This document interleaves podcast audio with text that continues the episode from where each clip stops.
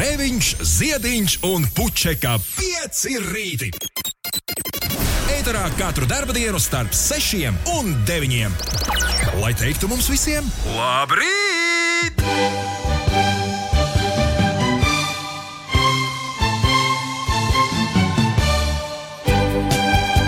Labrīt, Rīga, labrīt, Latvija, labrīt, pasaule. Halo! Cēlies augšā! Mēs varētu visi um, te sejas maskas lietot. Un tad rīt radio izklausītos šādi, un tad varbūt mūs, tad varbūt mūs laistu visus kopā vienā, vienā radio atkal kopā. Es domāju, vienā studijā. Es neno, neesmu novilcis sejas masku, kuru Ulas ir pilnīgi pārliecināts, esmu uzlicis nepareizi. Es šobrīd runāju sejas maskā. Labrīt, Uldī! Labrīt, nē, es neko nezinu par sejas maskām. Ines to rakstīja. À, tev rūts kaut kas. Tā it kā tu būtu bijis ārā lietu un tagad ar statisko strāvu kaut ko tur būtu sataisījis. Viss nāk un aiziet tālumā, čau, Ines! Es, Čau. es nāku un aiziet tālu, un sākas viss atkal no gala. Rīta vādu saslēgšana. Tā, ko es esmu Ah, nepareizi? mēs jau esam ēterā. Jā, mēs esam ēdrami. Labrīt, šis ir, šis ir šovs, radio šovs. Kurš Es iet- tik klusi ienācu Tagad- jūsu Es laikam- kompānijā, ka man likās, ka, ka mēs vēl runājam mazliet aizkadrā. Oh, Kā ir tagad? tagad viss, ne, viss, kur? Nē, tā tagad viss labi, viss labi. Viss labi. Tā, sejas maska. Es vadījos pēc tā, ka sejas maskai ir uh, tie, nu, tās ausu aiz, aizlikņi. Viņi ir tā kā pielīmēti, pielīmēti sejas maskas priekšā. Nu, viņiem, viņi ir ielīmēti, viņu tās ķepiņas ir virsū sejas maskas, un man šķita, ka tā ir līdz ar to automātiski priekšpuse sejas maskai. Tev arī ir zila puse, viena, ja? Maskai. Tu zini, kā man ar tām krāsiņām. Nu, mazliet tumšāk nekā otra Bet puse. ir jā, un tā, kas ir tumšāka, tā jā. ir kas? Tai tumšajai pusē ir jābūt uz āru, priekšpusē. Nu, bet tā arī bija. Sejai. Un tā Tā bija baltā puse. Nu, nebija baltā puse. Tā arī bija uzlikts. Nu, un uh, stieplīt man bija apakšā. Jā, bet stieplītei ir jābūt uz deguna, jo tad, kad tu uzvelc sejas masku, Ā. tad to mm, apakšpusi, kura lokās viegli, tā paiet zem zoda, bet augšpuse, kurā ir stieplīte, tā ir jāpieloka deguna formē, lai viņa tā labāk pieguļ. Un tumšs zilais ir uz ārpusi. Jā, Interesanti, cik vēl ir cilvēku, kas par šo vispār neko nezina. Uldis droši vien, ka ne par to neko nezināja. Iepriekš. Nē, ar šīm te man nav gadījies saskarties. Ma- es arī iepriekš neko nezināju, pirms es aizgāju uz fizioterapiju, pirmo, kas atsākās šajā eh, laikā. Un tev iedeva tur masku uz vietas? Tur dod katru reizi masku, jā, kad aizēju. Es biju iegājis pie. Un tad, kad es gāju, man šodien atkal jāiet, kad es gāju mainīt, nevis mainīt, bet uh, pārsiet savu operācijas brūci. Tad momentā tur bez nekādiem es eju uz ārstu privātu praksi, vispār bez nekādiem jautājumiem. Tu ienāc iekšā uzreiz tā rokas, tā kā Lietuvā. Lūdzu, dezinficējiet rokas un momentā sejas masku. Lūdzu, lieciet virsū. Bet tur arī neviens man Jā. ne, neko neteica par pareizo pusi, kas un kā ir jādara. Bet tagad es zināšu, stieplīt augšā, un tumša zilā puse ir uz āru. Viss skaidrs. Jep, tieši tā. Sejas maskas, pie kurām es esmu ticis plīst, tā kā es nezinu, kas. Es šorīt arī ātrumā, kasoties no mājas ārā, uzlieku blankšu vienu pusi noplīst nost. Nu, proti, tie, nu, tās aukliņas, tās. tās aukliņas ir piekar, pieliktas klāt nepārāk. Nu, vispār jau šīs ar tām zilajām pusēm, tās ir vienreiz lietojamas. To es, to es labi zinu, bet vienreiz lietojamais. Man san... Nevienreiz lietojam. Nevienreiz lietojams. Ja es paņemu masku, lieku sev virsū un plakšu, lencītis atplīst. Tu mēģināji pretējām ausīm uzlikt. Uz kādām Tā pretēm? kā apvalk. Uz kādām pretēm? Kā var noplēst? Viņš Nu, vienkārši tur tā. Viņš vāji pielīmēts. Labi, labi. Bet, uh, jā, varbūt ikdienai vajag uh, lietot tās uh, šūtās auduma maskas. Kur pie tādām var redzējusi. tikt? Mm? Es jums to Man prasu jau mēnešiem. paziņa, Es jau jums mē... paziņu. Mazais princis arī pirms, di pirms divu ar pus mēnešiem mazais princis arī pieteicās. Hei, Sāka ar rokdarbiem nodarboties. vai tu nevēli? Viņiem ir sava maska. Tur ir kaut kas, Jā. man to nevajag laikam rakstīts virsū. Pilnīgi pareizi. Viņi pat paprasīja, Nevienam nevajag slimības. viņi man pat paprasīja adresi. Tā arī neesmu saņēmis. Man. Ai. Bet ne jau par to es te, uh, gribēju pukoties. Ir labi arī ar tām vienreiz lietojamajām maskām, jo viņām neplīst, len, neplīst lencīts no. Un jā, no rīta. No rīta tramvajā braucot uz darbu. Es nebiju tramvajā bijis kopš februāra. Es esmu atsācis braukt ar sabiedrisko transportu objektīvu iemeslu dēļ, tāpēc, ka es nevaru vairs braukt ar velosipēdu. Velosipēdu man arī nemaz nav, man nav naudas, lai nopirktu jaunu. Bla, bla, bla, bla, bla. bla. Uh, un, uh, jā, nākamreiz, kad dro- droši vien šis ir tas gadījums, ka līdzīgi kā ar skriešanu, man būs vispirms jāprasa speciālistiem atļauja, vai, vai kā jums šķiet, vai es tagad drīkstu atkal braukt ar velosipēdu, vai es drīkstu skriet. Bet ir stipri par agru prasīt šādus jautājumus, un tāpēc es braucu ar sabiedrisko transportu. Un sabiedriskajā transportā uh, manā 530 reisā. Uh, tur neeksistē tie noteikumi, kas eksistē pārējā pasaulē. Šorīt es, Tā ir nārnija. tā varētu teikt. Vai cūkārps, vai arī tramvajs uz cūkārpu. Es, uh, šorīt es Cik pamanīju, jūs tur esat braucēji? manā vagonā šorīt mēs bijām neticami maz. Kaut kur bija, kaut kas bija atgadījies ar, ar ļoti tādiem ierastiem braucējiem, kuri pie brāzes neiekāpa iekšā. Bet uh, šorīt mēs bijām kādi pieci. Manā vagonā. Es kāpu otrajā vagonā, visi vi- kritiskā masa sakāpa pirmajā. Bet kopā mēs esam droši vien kad 30 braucēji tajā agrējā rīta reisā. Jo nu, gal galā viņš ir pats pirmais. Nu, lūk, un uh, manā vagonā bija 4-5 cilvēki. No šiem cilvēkiem nevienam nebija sejas maska. Nevienam. Viņam arī neizskatījās, ka, paskatoties uz mani, nepareizi uzvilkto sejas masku. Neviens no viņiem arī neiedomājās, ka, oh, es tikai, ja pusē ir, pusē nav, to es novēroju. Bet vai Pagājušā nedēļa darba dienā. nebija? Ja, ja pusē ir, pusē nav, tad, uh, nu, tad tie, kuriem nav, viņi tā pišķi tā skatās virsū tiem, kuriem ir. Viņi, viņi sajūtas nērti. Sajūtas, jo viņi Jā, es domāju, ka viņi skatās, ka jūs esat dīvaini. Viņiem, Bet vai viņi- viņiem, spēlē, viņiem spēlē visu laiku to jinglu, uh, kurā saka, ka Jā. ne, ik pēc pieturas, ka ja tev ir jābūt sejas maskai. Līdz ar to cilvēks sajūtas tāds, ah, stulbi, ka man nebija sejas maska, un nākamreiz viņš visticamāk to sejas masku pagādās. Sejai priekšā ienes viņiem nebija nekā. Nekā šodien. ir Nekā divas iespējas. Jā, viņi nu neizmantoja nevienu no šīm iespējām. Kas vēl ir jādara, iekāpjot uh, sabiedriskajā transportā? Ir jānopīkstina biļete, vai ne? Nu, ir, tā, ir tāds pieņēmums. Nu jā, Neviens no maniem vagonu biedriem šorīt to neizdarīja. Es biju vienīgais, kurš, kurš nopīkstināja vēl februārī pirkto etalonu, kurā ir palikuši pāris braucieni. Ah, nu tagad vispār- vispār... kauninās visus pēc kārtas. Es negrasos kaunināt visus pēc kārtas. Es vienkārši tev saku, ka Varēja pie katra pieiet un pajautāt. no rīta ir. No, ri- vai no, gadījumā nevajag nopīkstināt etalonu. no rīta.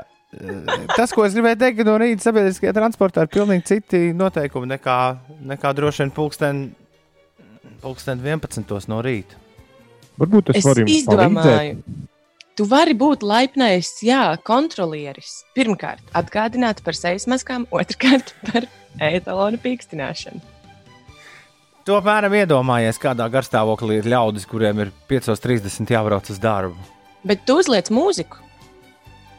Iekāp iekšā uzreiz, tur sākas tavs šovs.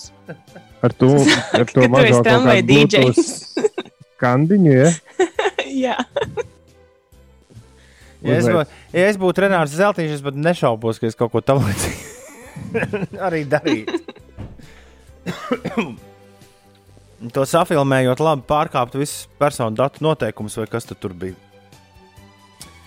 Bet uh, es neesmu tāds cilvēks, es to negribu darīt, un es to nedarīšu.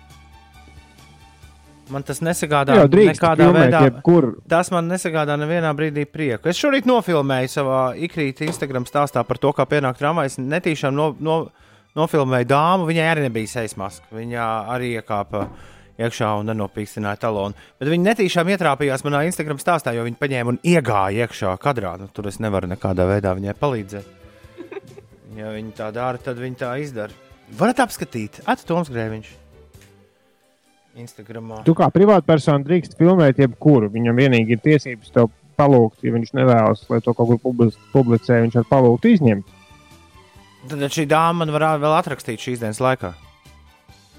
Jā, bet tev nekas nav tāda likuma, ka tu nedrīkstētu viņu filmēt. À, nu Tas skaidrs, tikai uz pasākumiem attiecas.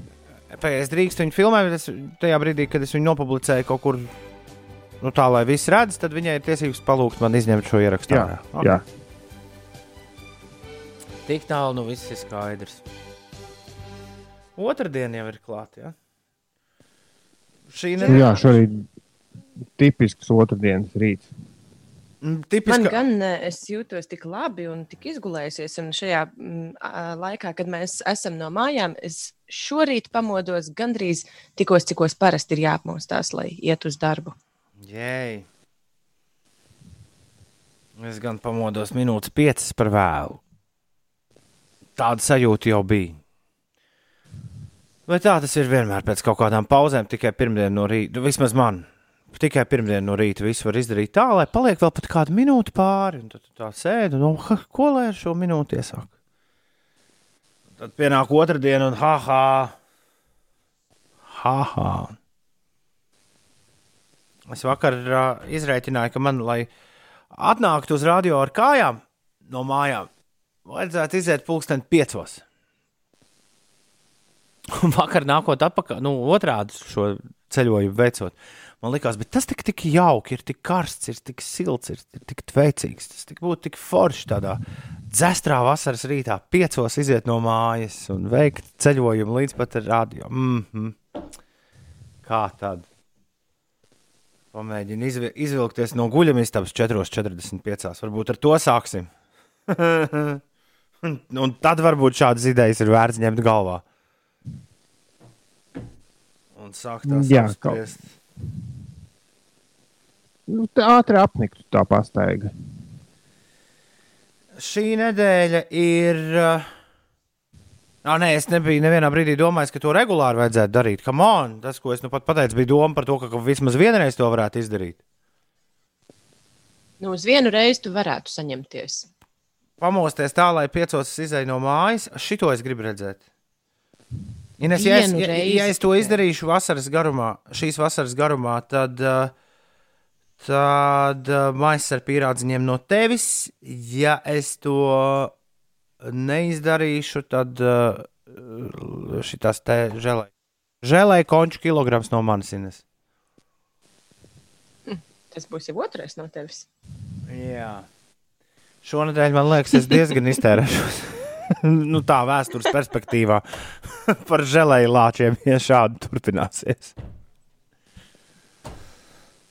Tā varētu būt. Tā varētu būt. Ir jau otra diena. Šonadēļ daudziem cilvēkiem ir jāstrādā sešas dienas, lai pēc tam varētu Jāņos uztaisīt uh, super duper nedēļas nogalu, vēl paņemot divas brīvdienas darbā, ja tādas kādas dod.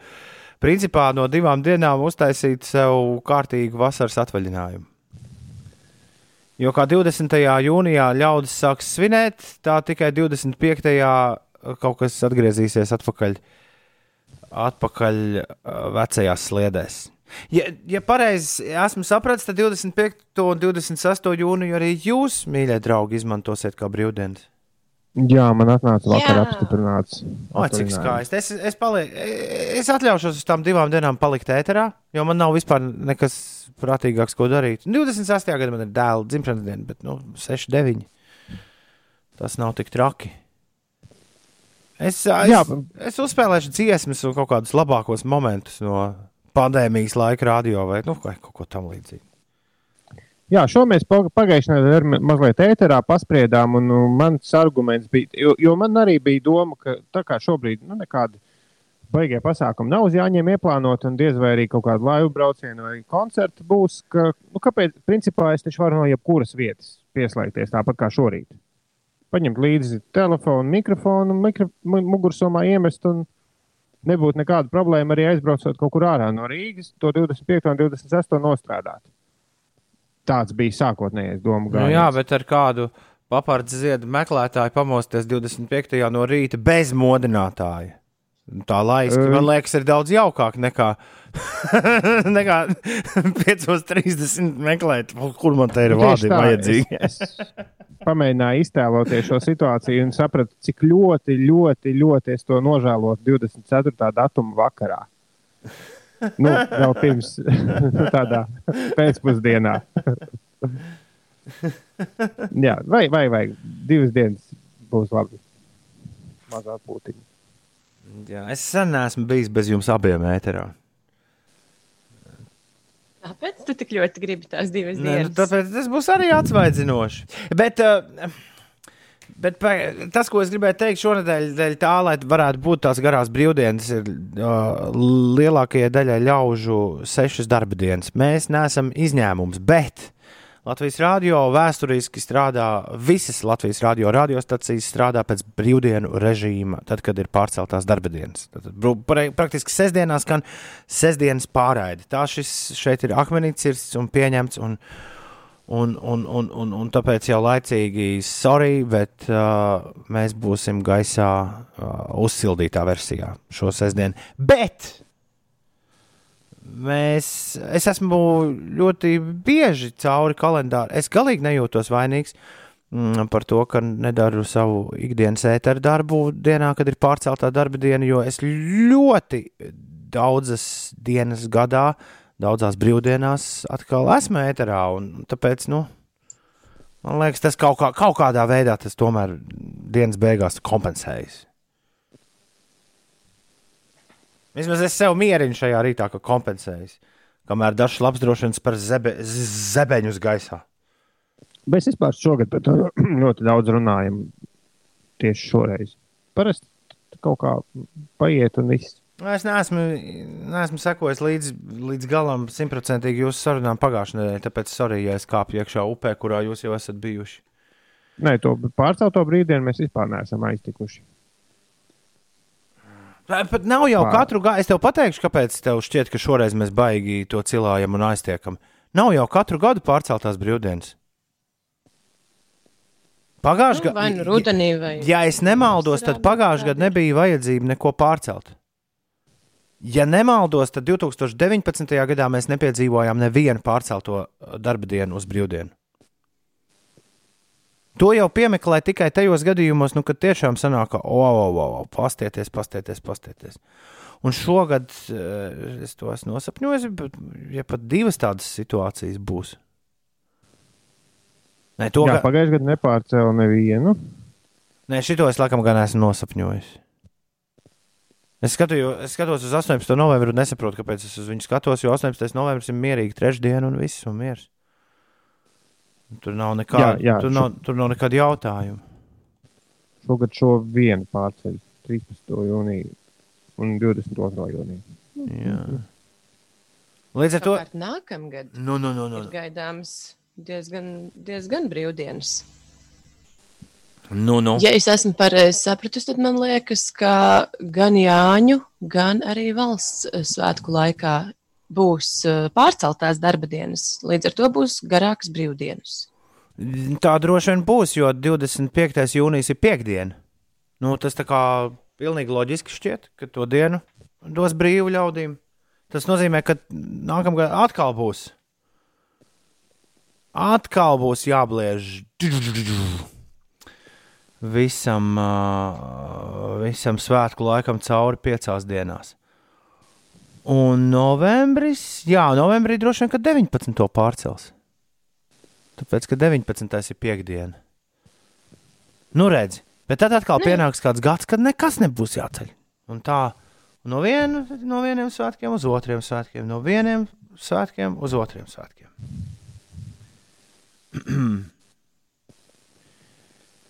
Labs rītiņš šajā ezīšu miglas rītā visiem no Kristiāna Bauskas pusē. Pīrāga Jānis ir sasmējies par manu stieplīti. Var beigt smieties, pīrāga Jānis, es saplēsu jau otro masku šorīt. Ja Toms pie katra tramvaja piesietu, ja Toms katrā tramvajā piesietos un kauninātu nu, par maskām un par talonu nepīkstināšanu, tad noteikti Magnusam atkal būtu jāstrādā no rītiem, raksta Māris. To mēs, protams, nu jā, negribam. Nu, ne jau tā, ka mēs negribam, ka Magnus ir mums ir kopā, bet Nu jā, tur kaut kas ir jāizdomā, varbūt ar tiem tramvajiem. No nu, Magnus jums neizvairīties, jo, ja es visus esmu sapratis pareizi, tad kaut kad šī gada laikā man būs jādodas vēlreiz tieši tādā pašā slimnīcas vizītē, tos dzelžus, kas man ir salikti elkonī, ņemt ārā. Mm -hmm. Un tas visticamāk rezultēsies ar vēl vienu nedēļu bez manis. Ekstra nedēļu bez manis. Kristapam sanāk, no. ka 21. gadā vesels trīs dienas pārcels. Signēja arī. Mājas svētkos arī? Ui! Ne, redzi, un tieši tāpēc Signe un vispārējie. Trešais maijs sanāk. Man šķiet, ir, ir, ir, ir vērts bišķi tās brīvdienas pietaupīt, cik nu viņas var pietaupīt uz nākamo gadu.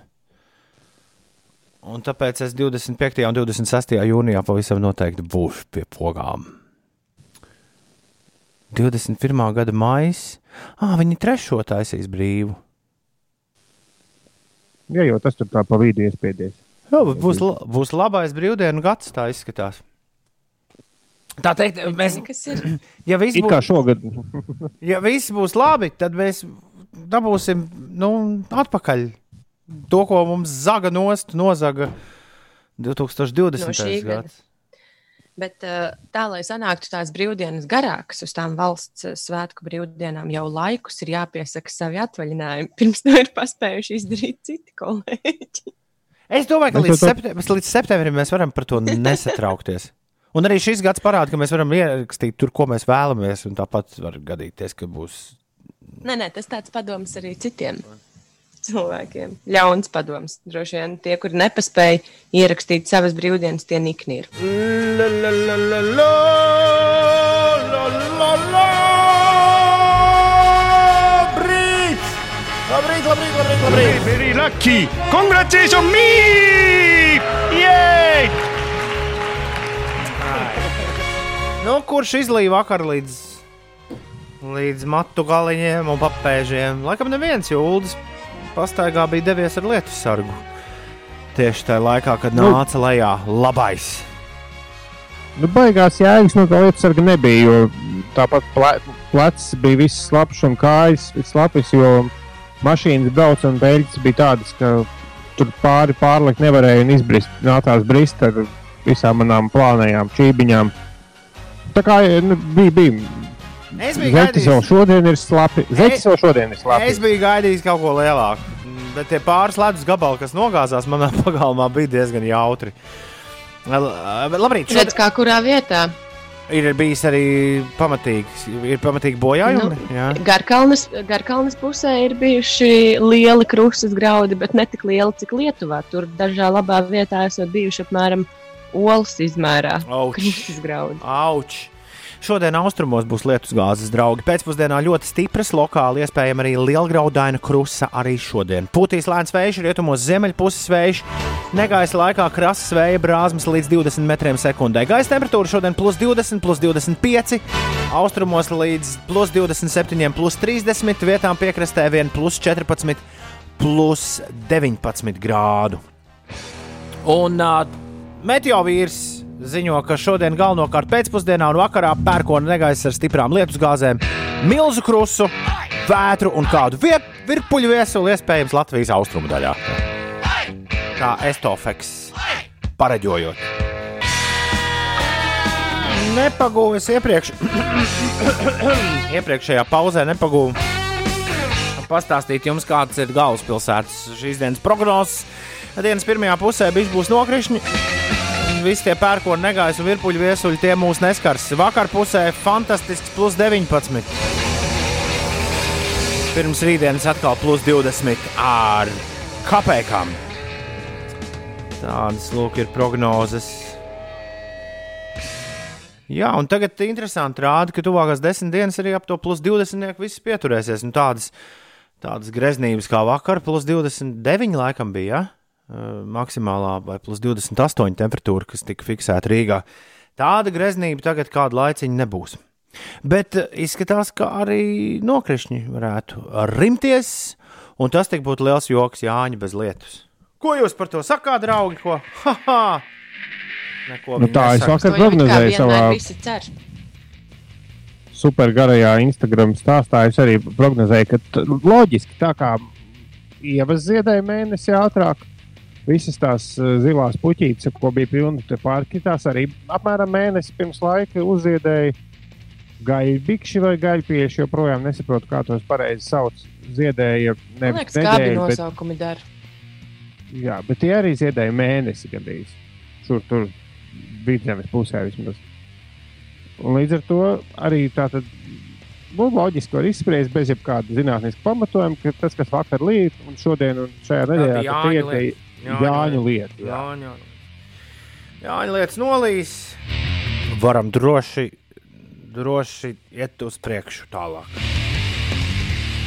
Lai tā būtu. Arts Volfs vakar, pulksten 6. vakarā netīšām iegāja radio ēterā. Jūs pamanījāt šo notikumu vismaz kolē, kolēģi čatā? Čatā es pamanīju, bet nē, ēterā. Pēkšņi dziesmai pa vidu sāk skanēt. 1, 2, 3, 4, 5, 6, 7, 8, 9, 10, 11, 12, 13, 14. 1, 2, 3, 4, 5, 6, 7, 8, 9, 10. Ah, vakaros ētas valsts dzied mājās. Viņš iedziedās.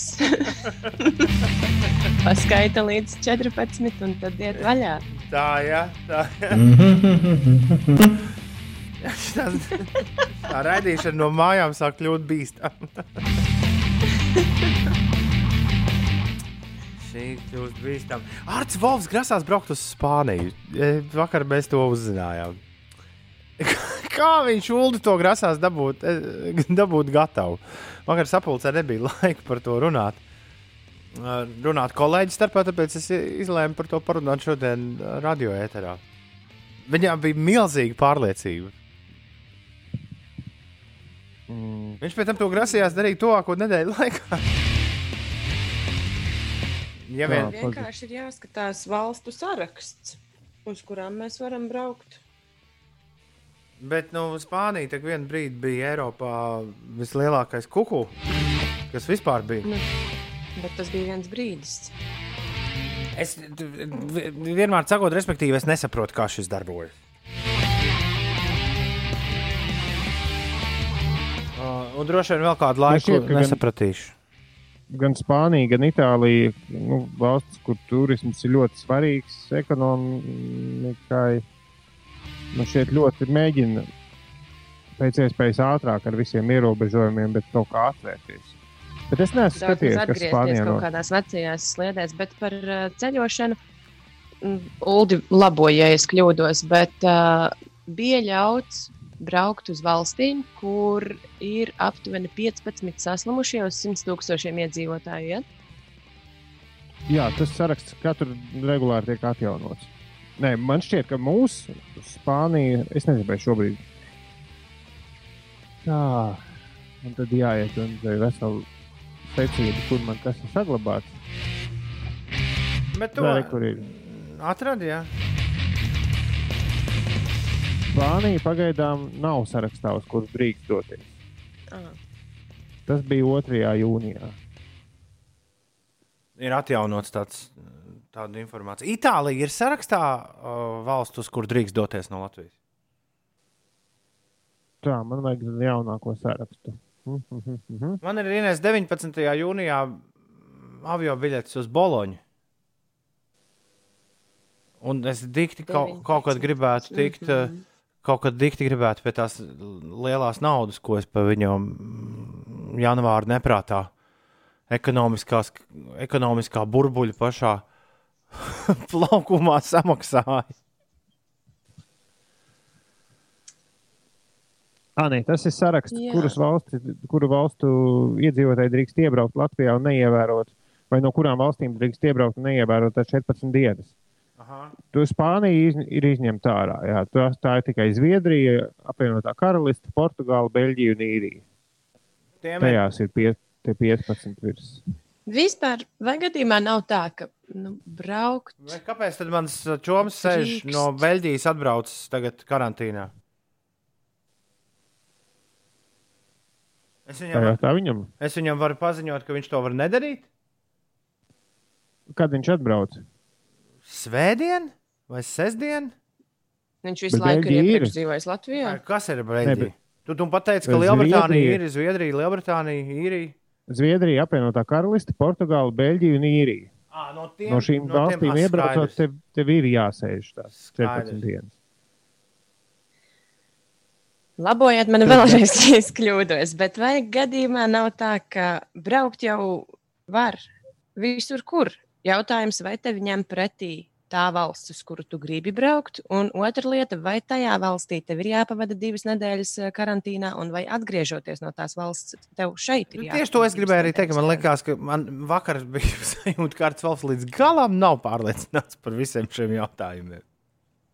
Bet, ja viņš brauc tur, piemēram, pie savas uh, māsas, tad jau tās divas nedēļas viņš tur var dzīvoties tajā karantīnā, cepuri kuldams. Tad mēs esam noskaidrojuši to, ka viņš atgriežoties, vismaz pēc šī brīža noteikumiem, viņam nebūs jāsēž divas nedēļas karantīnā. Tas vismaz ir zināms.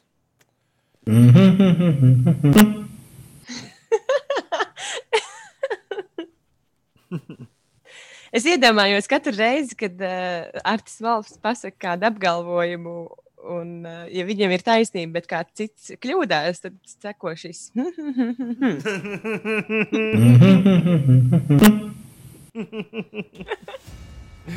Ir bez ceturkšņa septiņi. Ines, kas notiek? Cerams, ka Artis Valsts mani nelabos. Uh, šajā rītā daudz vietā ir sabiezējusi migla. Plašākā migla agrā rītā ir vidzemē, kur redzamība vietām nepārsniedz 200 metrus. Dažviet nedaudz līst, Daugavpils pusē ir reģistrēts arī pērkona negaiss. Par vakardienu daudz vietā Latvijā negaiss atnesis milzu krustu. Lielākie krustas graudi bijuši Garkalnes novada upes ciemā, kur to diametrs sasniedzis pat 8 cm, bet lielgraudu krusta bijusi arī Stopiņu novadā, ķegumā, Suntažos, Ogrē, Murjāņos, Raganā un citās vidzemes eh, vietās. Negaisi piemeklējuši arī kaimiņu valstis Lietuvu un Igauniju. Lietuvā krustas graudi dažviet bijuši lielāki par Vīstes olu, bet eh, Šaķu rajonā pār 10 km uz rietumiem no Kaunis plosies arī virpuļu viesulis jeb tornado. Sveicieni 12. klasu skolēniem. Šodien visā Latvijā tiek kārtots centralizētais eksāmens latviešu valodā. Un valdība šodien lems par vairāku Covid-19 pandēmijas dēļ noteikto ierobežojumu mīkstināšanu pēc ārkārtējās situācijas beigšanas. Tostarp plānots atļaut no 10. jūnija uz pasākumiem iekštelpās pulcēties līdz 100 cilvēkiem, bet ārtelpās līdz 300 cilvēkiem. Tas viss gaidāms šodien. O, mazie distancētie festivāli jau top, es pilnīgi jūtu. Nu, nu, nu, nu. Tad Spānijā, Vācijas, Francijas un Skandināvijas turisti eksperimentālā, kārtā no 22. jūnija varēs braukt un nebūs jāsēž karantīnā. Citas valstis it kā no 1. jūlija varētu būt. À, atļauts. tāpēc Arts Volfs 1. jūliju minēja. Viņš kaut ko par jūliju runāja. jā. 1. līdz 10. viņam bija, man liekas. Katrā gadījumā, plānojot savus ceļojumus, ir ļoti rūpīgi jāsako līdzi informācijai gan ārlietu ministrijā, mūsu, gan arī, manuprāt, vērtīgi ir sazināties ar attiecīgās valsts eh, vēstniecību, lai saprastu, kas tieši notiek. Jo man liekas, ka tā informācija katrā valstī mainās uh, burtiski pa dienām, citreiz pat pa stundām. Viss atkarīgs no tā, kādus lēmumus valdība pieņem. Tā, jā. Cēlies augšā! Un tagad būs džezā! Tikai Meitenēs!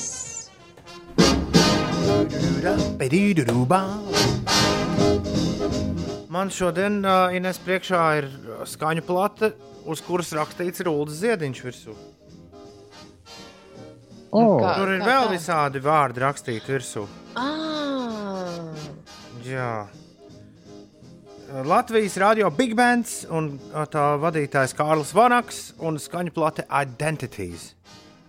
Nu, vispār nesaprotu, Ulu, kāpēc tas bija koncertā jāraksta, ja jau aplausus nedzird. Kāpēc jūs nevarējāt vienkārši studijā normāli ierakstīt šo? Nu, tas tā. Bet uh, es neesmu, ar, man ir jāizpļāpājas ar šī projekta, es saprotu, sirdi un dvēseli, kas ir Marks Amerikas kurš ir arī šīs plates izdevējs. Viņa, viņa eksperimentālā džēza izdevniecība, kuras nosaukumu es pēkšņi aizmirsu, ir uh, parūpējusies par to, ka šāds ieraksts mums ir Jumurda. priekšā. Jumurda. nē, humors bija mūža. Labi, uh, jebkurā gadījumā. Uh, jebkurā gadījumā. Jersika, pareizi. Jersika rekords, jā. Latvijas bija. Ar Ko radio. Jersika no humors atšķiras? Pas- Kas tik smieklīgs bija humorā? Nu, vienmēr sakot, Ulim ir jauns disks, Ines. Un uh, kad tad citādi, ja ne tad, kad džēzā tikai meitenes skan, mēs varam kaut ko no šī diska arī paklausīties. Un šorīt mana izvēle ir kritusi. Jā, e, kas ir iekšā diskā? Diskā ir tātad uh, Latvijas radio Big Band vadītāja Kārļa Vanaga paša džēza fantāzijas. Nu, nevis citu cilvēku rakstītu mūziku un jau kaut kādi zināmi džēza standarti. Bet tātad Kārlis ir, Kārlis ir pats pacenties sarakstīt veselu kaudzi ar jaunu mūziku. Un to jums Jā, un- nu, tīri labi sanāk spēlēt. Jā, saku, Jā, un tas ie- ieraksts bija domāts, nu, galvenais ieraksta mērķis bija ierakstīt to nu, tā, kā senos laikos rakstīja lentā, bez, bez montēšanas. Tas ir svarīgākais, ka viss ir rakstīts one take, vienā piegājienā. Jo rakstīja analogi, līdz ar to tu nevari kaut ko izlabot, vai nogriezt, vai, vai no kaut kādas vietas apstāties un mēģināt vēlreiz, kā rakstā, kā raksta. Un tāpēc arī bija publika, kurai tika palūgts ļoti nu, neplaudēt, jo tas nav koncerta ieraksts. Tas Jā, nekādā kāpēc, kāpēc tā publika tur bija? Tāpēc, ka, nu, pub, kāpēc, ka nevarētu būt?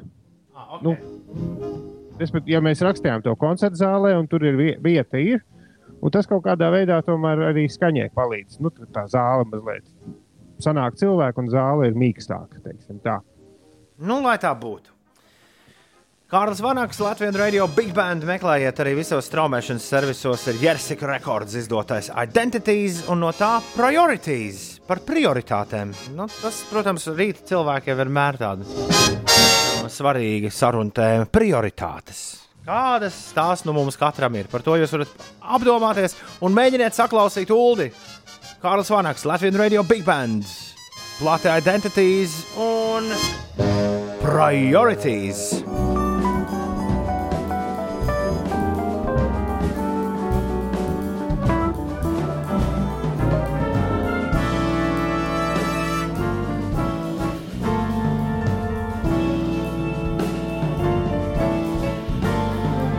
Kārlis Vanaks, Latvijas radio Big Band, albums Identities un no tā Priorities. Džezā tikai meitenes. Otradien, 9. jūnijas 2020. gads. Šeit 5 rītī. Mēs turpinām. Labrīt! Hei, hei! Uldī!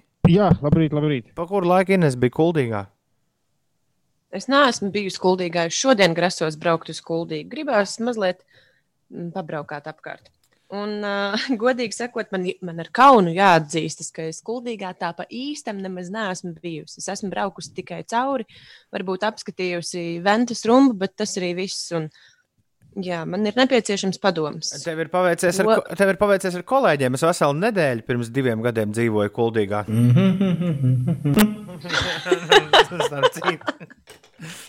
Jā, bet To krakšķi vajadzētu izdzēst ārā. Nu, tur neko nevar darīt. Kā, kā krakšķi, tā krakšķi. ah, tu domā, pašas tās beigas savu aizvākt? Jā, Pašas jā. beigas.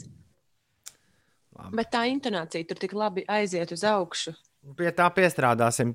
Tā teikt, tad, kad darīsim Jā. laboratorijas darbus, tas parasti nenotiek internetā. 1, 2, 3, 4, 5, 6, 7, 8, 10.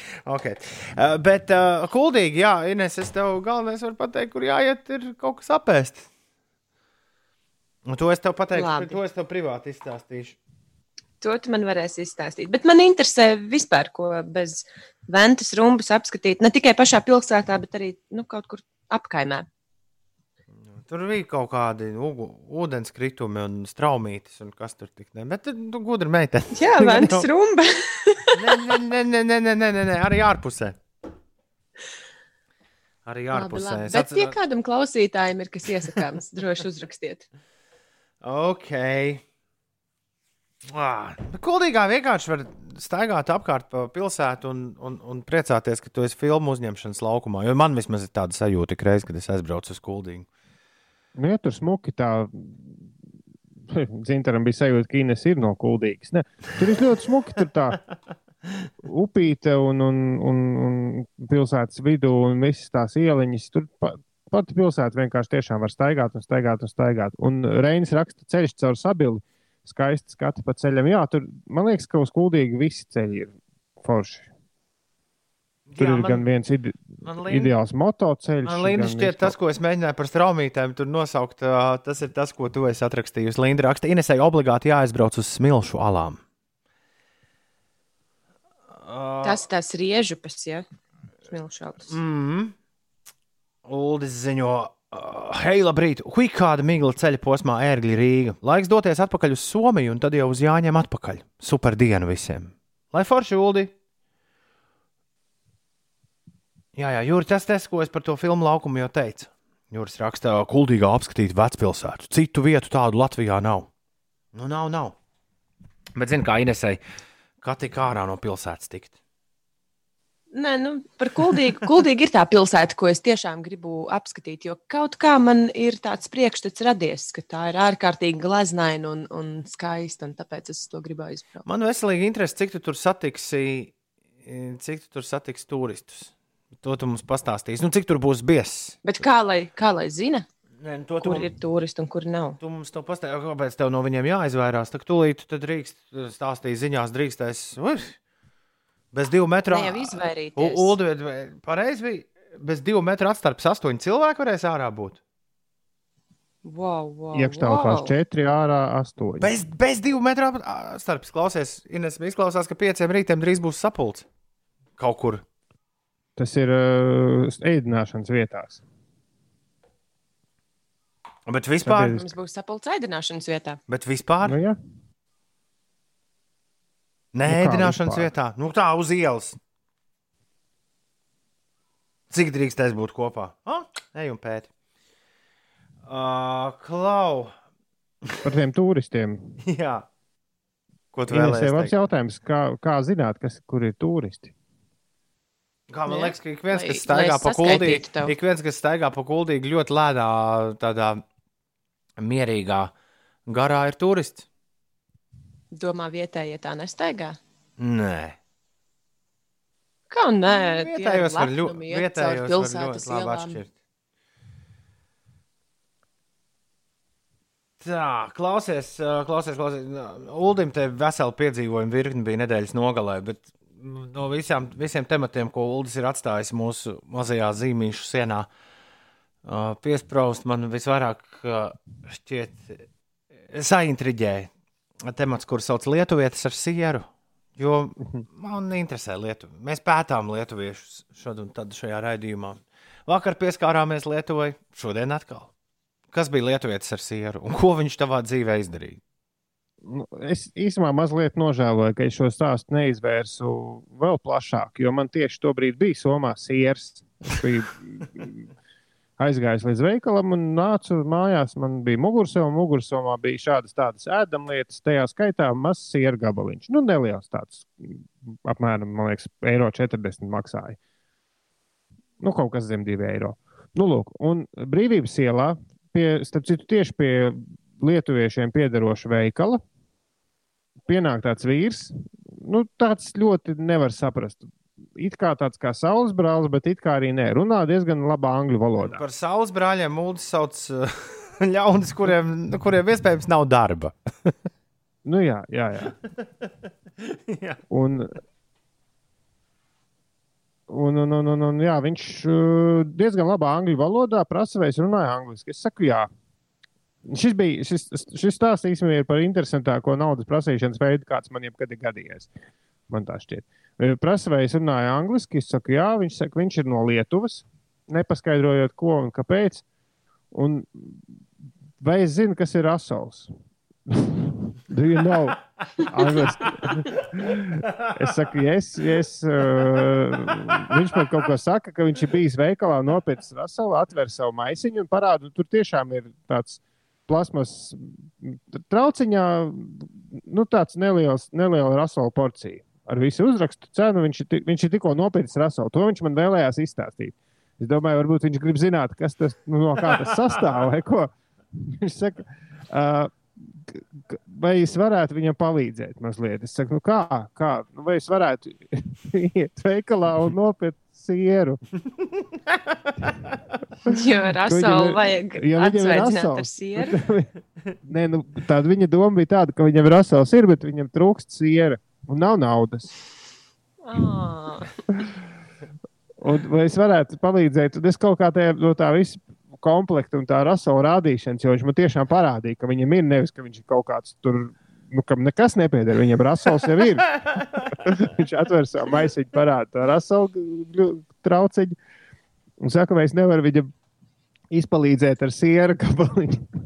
Ieiet, ieiesim tepat veikalā, lai es nopērku viņam sieru. Man tajā brīdī iešāvās prātā doma, pagaidi, bet es varētu to savus mazo sieru gabaliņu no Somijas izvilkt un viņam uzdāvināt un paskatīties, ko viņš tad teiks. Bet tu Jo viņš nesaņēmi. sākumā prasa, nesaņēmos. Viņš sākumā prasīja naudu, bet tad rādīja uz veikalu, pie kur mēs stāvējām un teicām, ka varam ieiet, lai es nopērku. Jā, varēja viņam to sieru gabaliņu iedot, bet ne, redz, kaut kas tajā visā nebija tīrs. Man liekas, ka viņš tomēr gribēja vairāk naudas, jo rasels viņam bija. Un viņš neizskatījās pēc tāda ierindas ubagotāja un diezgan labā angļu valodā, bet ar sliktiem zobiem. Viņš bija. Tā kā, bet tā kā Mēs no tā varam klejoja- secināt. Daudz konfekta sēž. Nē, Pūce ir sec, izdarījusi secinājumus. Pūce raksta to Roselu, gan jau arī viņš kādam izkļāķi ziedījām, ziediņam pirms tam.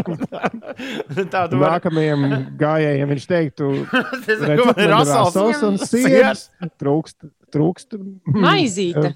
Tostermaizes, jā. Jā. Tā, Viņš varbūt gatavojās svētku galdam. Nu, jubileju varbūt kādam draugiem. Bet vispār psiholoģiski šis, starp citu, ļoti, ļoti labi strādā. Jo tajā brīdī, kad viņš parādīja, ka viņam tas rasels jau ir, tajā brīdī tas vairs nav tāda parasta naudas prasīšana. Jo viņš kā, nu, tu saproti, ka viņš pats arī ir jau nu, ieguldījumu kaut kādu veidu. Jā, Pag, bet viņš tad palika bez siera prasēvis. nu es savu sieru viņam nedevu, jā. Alts saka, Un vai arī nenopirku. Alts saka, ka tev tomēr vajadzēja, vajadzēja iedot, jo uh, sierā ir kalcijs un tas ir veselīgs zobiem. Nu, tur bija pa vēlu mazliet, jā. Viņam bija tādi reti, skaisti zobi. A, ko viņš bija Lietuvā? Viņš teica, ka viņš ir no Lietuvas, un viņš runāja angliski. Viņš tā kā mēģināja likt saprast, ka viņš ir Viņam, turists. viņam bija arī lietuviešu akcents vai lietuvienu akcents. Nu, akcents bija, jā, Jā, bet, ā, bet, kā. bet ang angļu valoda bija laba diezgan. Tā kā, ne, bet, zini, kā šie visādi šādi Rīgas dīvaini parasti jau viņus satiec vēl un vēl un vēl. Ja kāds vēl ir saticis lietuvieti, kas angliski rāda raselu un prasa sieru, Padodiet Dodiet ziņu. 293, 1202. Ok, 1, 2, 3, 4, 5, 6, 7, 8, 9, 10. 11, 12, labrīt! 13, 14. Cēlies augšā! Mieru, tikai mieru. Laiks sāk dienu! Mūsu Rīga Latvijā! Vērt acis un aizsūtīt izziņu Gitai un Ligitai. Gitai un Ligitai šodien vārda diena, 9. datums, 9. jūnijas 2020. gadā. Šodien viņai, Zelmai Jēgerai, ir dzimšanas diena. Daudz laimes viņa. Rūta Dūduma ķirsis svin dzimšanas dienu. So, soliste nopelniem bagāta. un pedagoģi. Daudz laimes Rūtai. Sandijai Baranovskai, galda tenisistei, daudz laimes dzimšanas dienā. Latviešu diskmetējam Aigaram Apinim, paraolimpietim, daudz laimes. Miroslavam Klozem, vācu futbolistam, ir dzimšanas diena, amerikāņu scenāristam, producentam un uh, lūgu rakstniekam, tad dramaturgam Āronam Sorkinam ir dzimšanas diena. Kvenins Tarantino bija kaut kur nesen izlasīju, paziņojis, ka desmit gadus filma ir uh, Social Network. Par Facebook Oh, ja? ra rašanos. Jā. Kventina Tarantino prāta Ārona Sorkina dialogus nevienam nav izdevies desmit gadu laikā pārspēt. Šajā filmā. Un tas- nu, pagai, nu, Tas tas, gan viņam ir. Jā. tā, kā viņi tur gāž, ir īpaši atklāšanas aina. Man, Viņš kaut kur stāstīja, ka viņa atslēga ir. Viņam ir, nu, viņam ir ļoti labi seriāli, un Broadway's lūgas, un uh, viss kaut kas. Few Good Men filma slavenā. Un Moneyball un Moneyball, Moneyball ir brīnišķīga filma. Jā, Pat ne- Newsroom bija lielisks seriāls. Pat nezinot, viņam, kāda ir beisbola noteikums, ikvienam ir jāredz Moneyball, arī tev Ines. Tur ir smūgs brets pits. Jā. Tur ir smūgs brets pits. Ah, Jā, oh, jā, tur ir smūgs es pits. varētu paskatīties. Bet vispār ir pa beisbolu.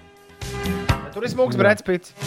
Uldies tev Bet jā, pārtrauc, piedod. Man patīk skatīties filmas, kurās ir smuki aktieri. viņš kaut kur stāstīja, ka viņš raksta uh, savus rakstu darbus, viņš raksta uz rakstā mašīnas, bet ar, nu, viņš nemāķi rakstīt ar visiem pirkstiem. Viņš raksta tikai ar diviem vai trim. Bet man šķiet, ka tā ir atslēga uz labiem dialogiem, jo līdz ar to tā lēnāk vari tam visam pieiet. Jā, nu. Tā, kas mums vēl ir šodien? Kā galvenais jubilārs. Oh! Tiešām viņš, kapteinis Džeks Sparrows. Tas nu gan ir neticami. Jā, Uh, Džonijam Depam ir dzimšanas diena. on that godforsaken spit of land, you forgot one very important thing, mate. I'm Captain Jack Sparrow. Uh, kapteinim Džekam Sparrowam dzimšanas diena. Daudz Man liekas, laimes. Goldis šo ierunu. Arī Natālijai Portmanai un kanādiešu amerikāņu aktierim no Back to the Future, Maiklam J. Foksam šodien ir dzimšanas diena. Tā ir, ka mēs neesam, neesam visi kopā, tad var visādas figūras taisīt. You marooned me on that godforsaken spit of land, you forgot one very important thing, mate. I'm Captain Jack Sparrow. Oh, que bel Inês! Jā, Šodien ir dzēju rīts. Atceries, atcer, es- atceries tādu lietu kā dzējas otrdienās. Halo! jā, o, jā, jā, jā, jā atceros. Mm. Pagājušajā nedēļā Magnusam, uh, Magnus arī bija centīgs. Viņam Vi- interesanti viņš, viņš ar dzējoja. Jā, iedomājies. Es nebiju iepriekš Magnusu redzējusi kā dzinieku ar spalvu rokā. Labi, es arī neredzēju viņu. Nu, kā, kā bija Ulu? Nu, tā, centās. Nu, skaidrs, nu, skaidrs jā. Labi. Ne jau tā kā šitie divi vīri, vai ne? Laiž. Tā, uh, Ines, par ko mums šodien tev kāds pantiņš jāuzraksta? Es teikšu par uh, tā. Par uh, ceļošanas procesu. Labi, Nu, izdomājiet, labi. izdomājiet paši, ko un kā. Viss skaidrs. Bet uh, Nu, ko bet? turpinot, es, es iesāku jau savu rubriku Ines, kas notiek. turpinot ar to pašu ceļošanas uh, tematiku. Austrijā ir noteikts uh, minimālā avio biļešu cena - 40 eiro. Austrijas valdība ir pieņēmusi lēmumu, ka minimālā avio biļešu cena turpmāk būs eh, 40 eiro. Šādā veidā plānots cīnīties ar sociālajām un vidas problēmām. Satiksmes ministre Leonora Geveslere informēja, ka turpmāk vairs nebūs iespējams piedāvāt biļetes par cenu, kas ir mazāka par to patiesajām izmaksām. Austrija būs pirmā valsts, kas šādā veidā cīnīsies ar lētajām aviokompānijām, kuras gūst peļņu uz klimata rēķina. Paredzēts aizliegt lidojumus arī īsās distancēs, ja ceļojuma laiks ar vilcienu šajā maršrutā ir mazāks nekā ar lidmašīnu. Un turklāt pasažieriem būs jāmaksā 30 eiro nodoklis par lidojumiem, kuru attālums ir mazāks par 350 km. Tālūk, eh, šodien jāvēl veiksmi 12. klašu skolēniem, jo visā Latvijā tiek kārtos centralizēto eksāmenu latviešu valodā. Par laikapstākļiem šodien Latvijā, Sēlijā un Vidzemes austrumu un centrālajā daļā iespējams pērkona negaiss ar stiprām lietus gāzēm, vētru un ļoti lielu krustu. Tā prognozē sinoptiķi gaisa temperatūra plus 15, plus 22 grādi. Ziņš mums ziņo, ka graudu un kartupeļu ielas krustojumā nedeg luksafors jau no vakardienas. Kāds, kāds varētu dziņš uzzvanīt tam tur, nu, dienestam attiecīgajam? Varbūt viņi nemaz nezina, ka ir jāsalabo. Bet uh, tas nemaina to, ka braucējiem jā, graudu un kartupeļu ielas krustojumā nedegošais luksafors bišķiņi, bišķiņi bojā dzīvi. Māja prasa, varbūt mēs kaut ko zinām par etaloniem, studentiem, skolēniem. Vēl joprojām pašiem jāpērk. Lai forši dienu. Etaloni! Lai forši dienu un veiksmi man un citiem 12. klases, klases studentiem eksāmenā. Māja, pirmkārt, tu vēl joprojām esi skolēns. Otrakārt, tos etalonus atcēla tad, kad pandēmija sākās. Pareizi? Jā, es par, Jā, bet atgrieza šādus tādus. Uh, Tas šādas tādas atlaides, bet tas ir mazliet Rīgas, tad Rīgas jāpaskatās. satiksmē ir māja arī uzziņa numurs. Atver Rīgas satiksmē LV un pameklē. Ja tu tur uzreiz neredzi atbildi, tad pameklē. Pameklē kādu tālruņa numuru un uzzvani un paprasti. Jārāda skolā nekārta vai apliecība no 8, 18. māja līdz mācību gada beigām. Es kaut ko tādu biju dzirdējis. Es kaut ko Bet tādu mācību gads jau nav beidzies. Uh, ne, nu, bet viņiem ir eksāmeni. 12. klasēm nē. Māja pēc man, pēc, tad, tad, tas, ko es tagad atcerējos, šito Ines stāstīju vienu rītu. Tev ir vienkārši, tev nekas nav jāpīkstina, tev ir jārāda sava apliecība. Kontrolē, ja tāda uzrādīsies. Bet ņemot vērā manu šī rīta līdz tramvaju braucēju uzvedību, šķiet, ka tādu nav redzējuši ļaudis. Kontroli, sen. ko, kontroli es redzu katru dienu. Daudz ir šobrīd kontrolas. Toms ir kontrole savā tramvajā. Varbūt tie visi bija 12. klases skolēni. Varbūt, varbūt, brauca. varbūt, jā. Ir īpaši tā dāma, kas tajā manā Instagram stāstā. Labi, 12. klases skolniece. Aktivizēt tās gājēju pārējais pogas. Sāk apnikt, raksts Sīpolīrs. Tev kā šoferim droši vien sāk patikt. Sāk apnikt. Man kā gājējiem rītīgi patīk, ka tās pogas ir aizvāktas. It īpaši krast, uh, krastmāla. Fantastika! Un tas ir normāli, var pāriet. Nevis tad, kad tu nospēj to pogu, pēc tam tev pusotra minūte jāgaida. Bet tev jau tāpat ir jāgaida. Ne, tagad viņš iedegs, man liekas, reizes kādās 40 sekundēs. Nu, rīktīgi biežāk ir.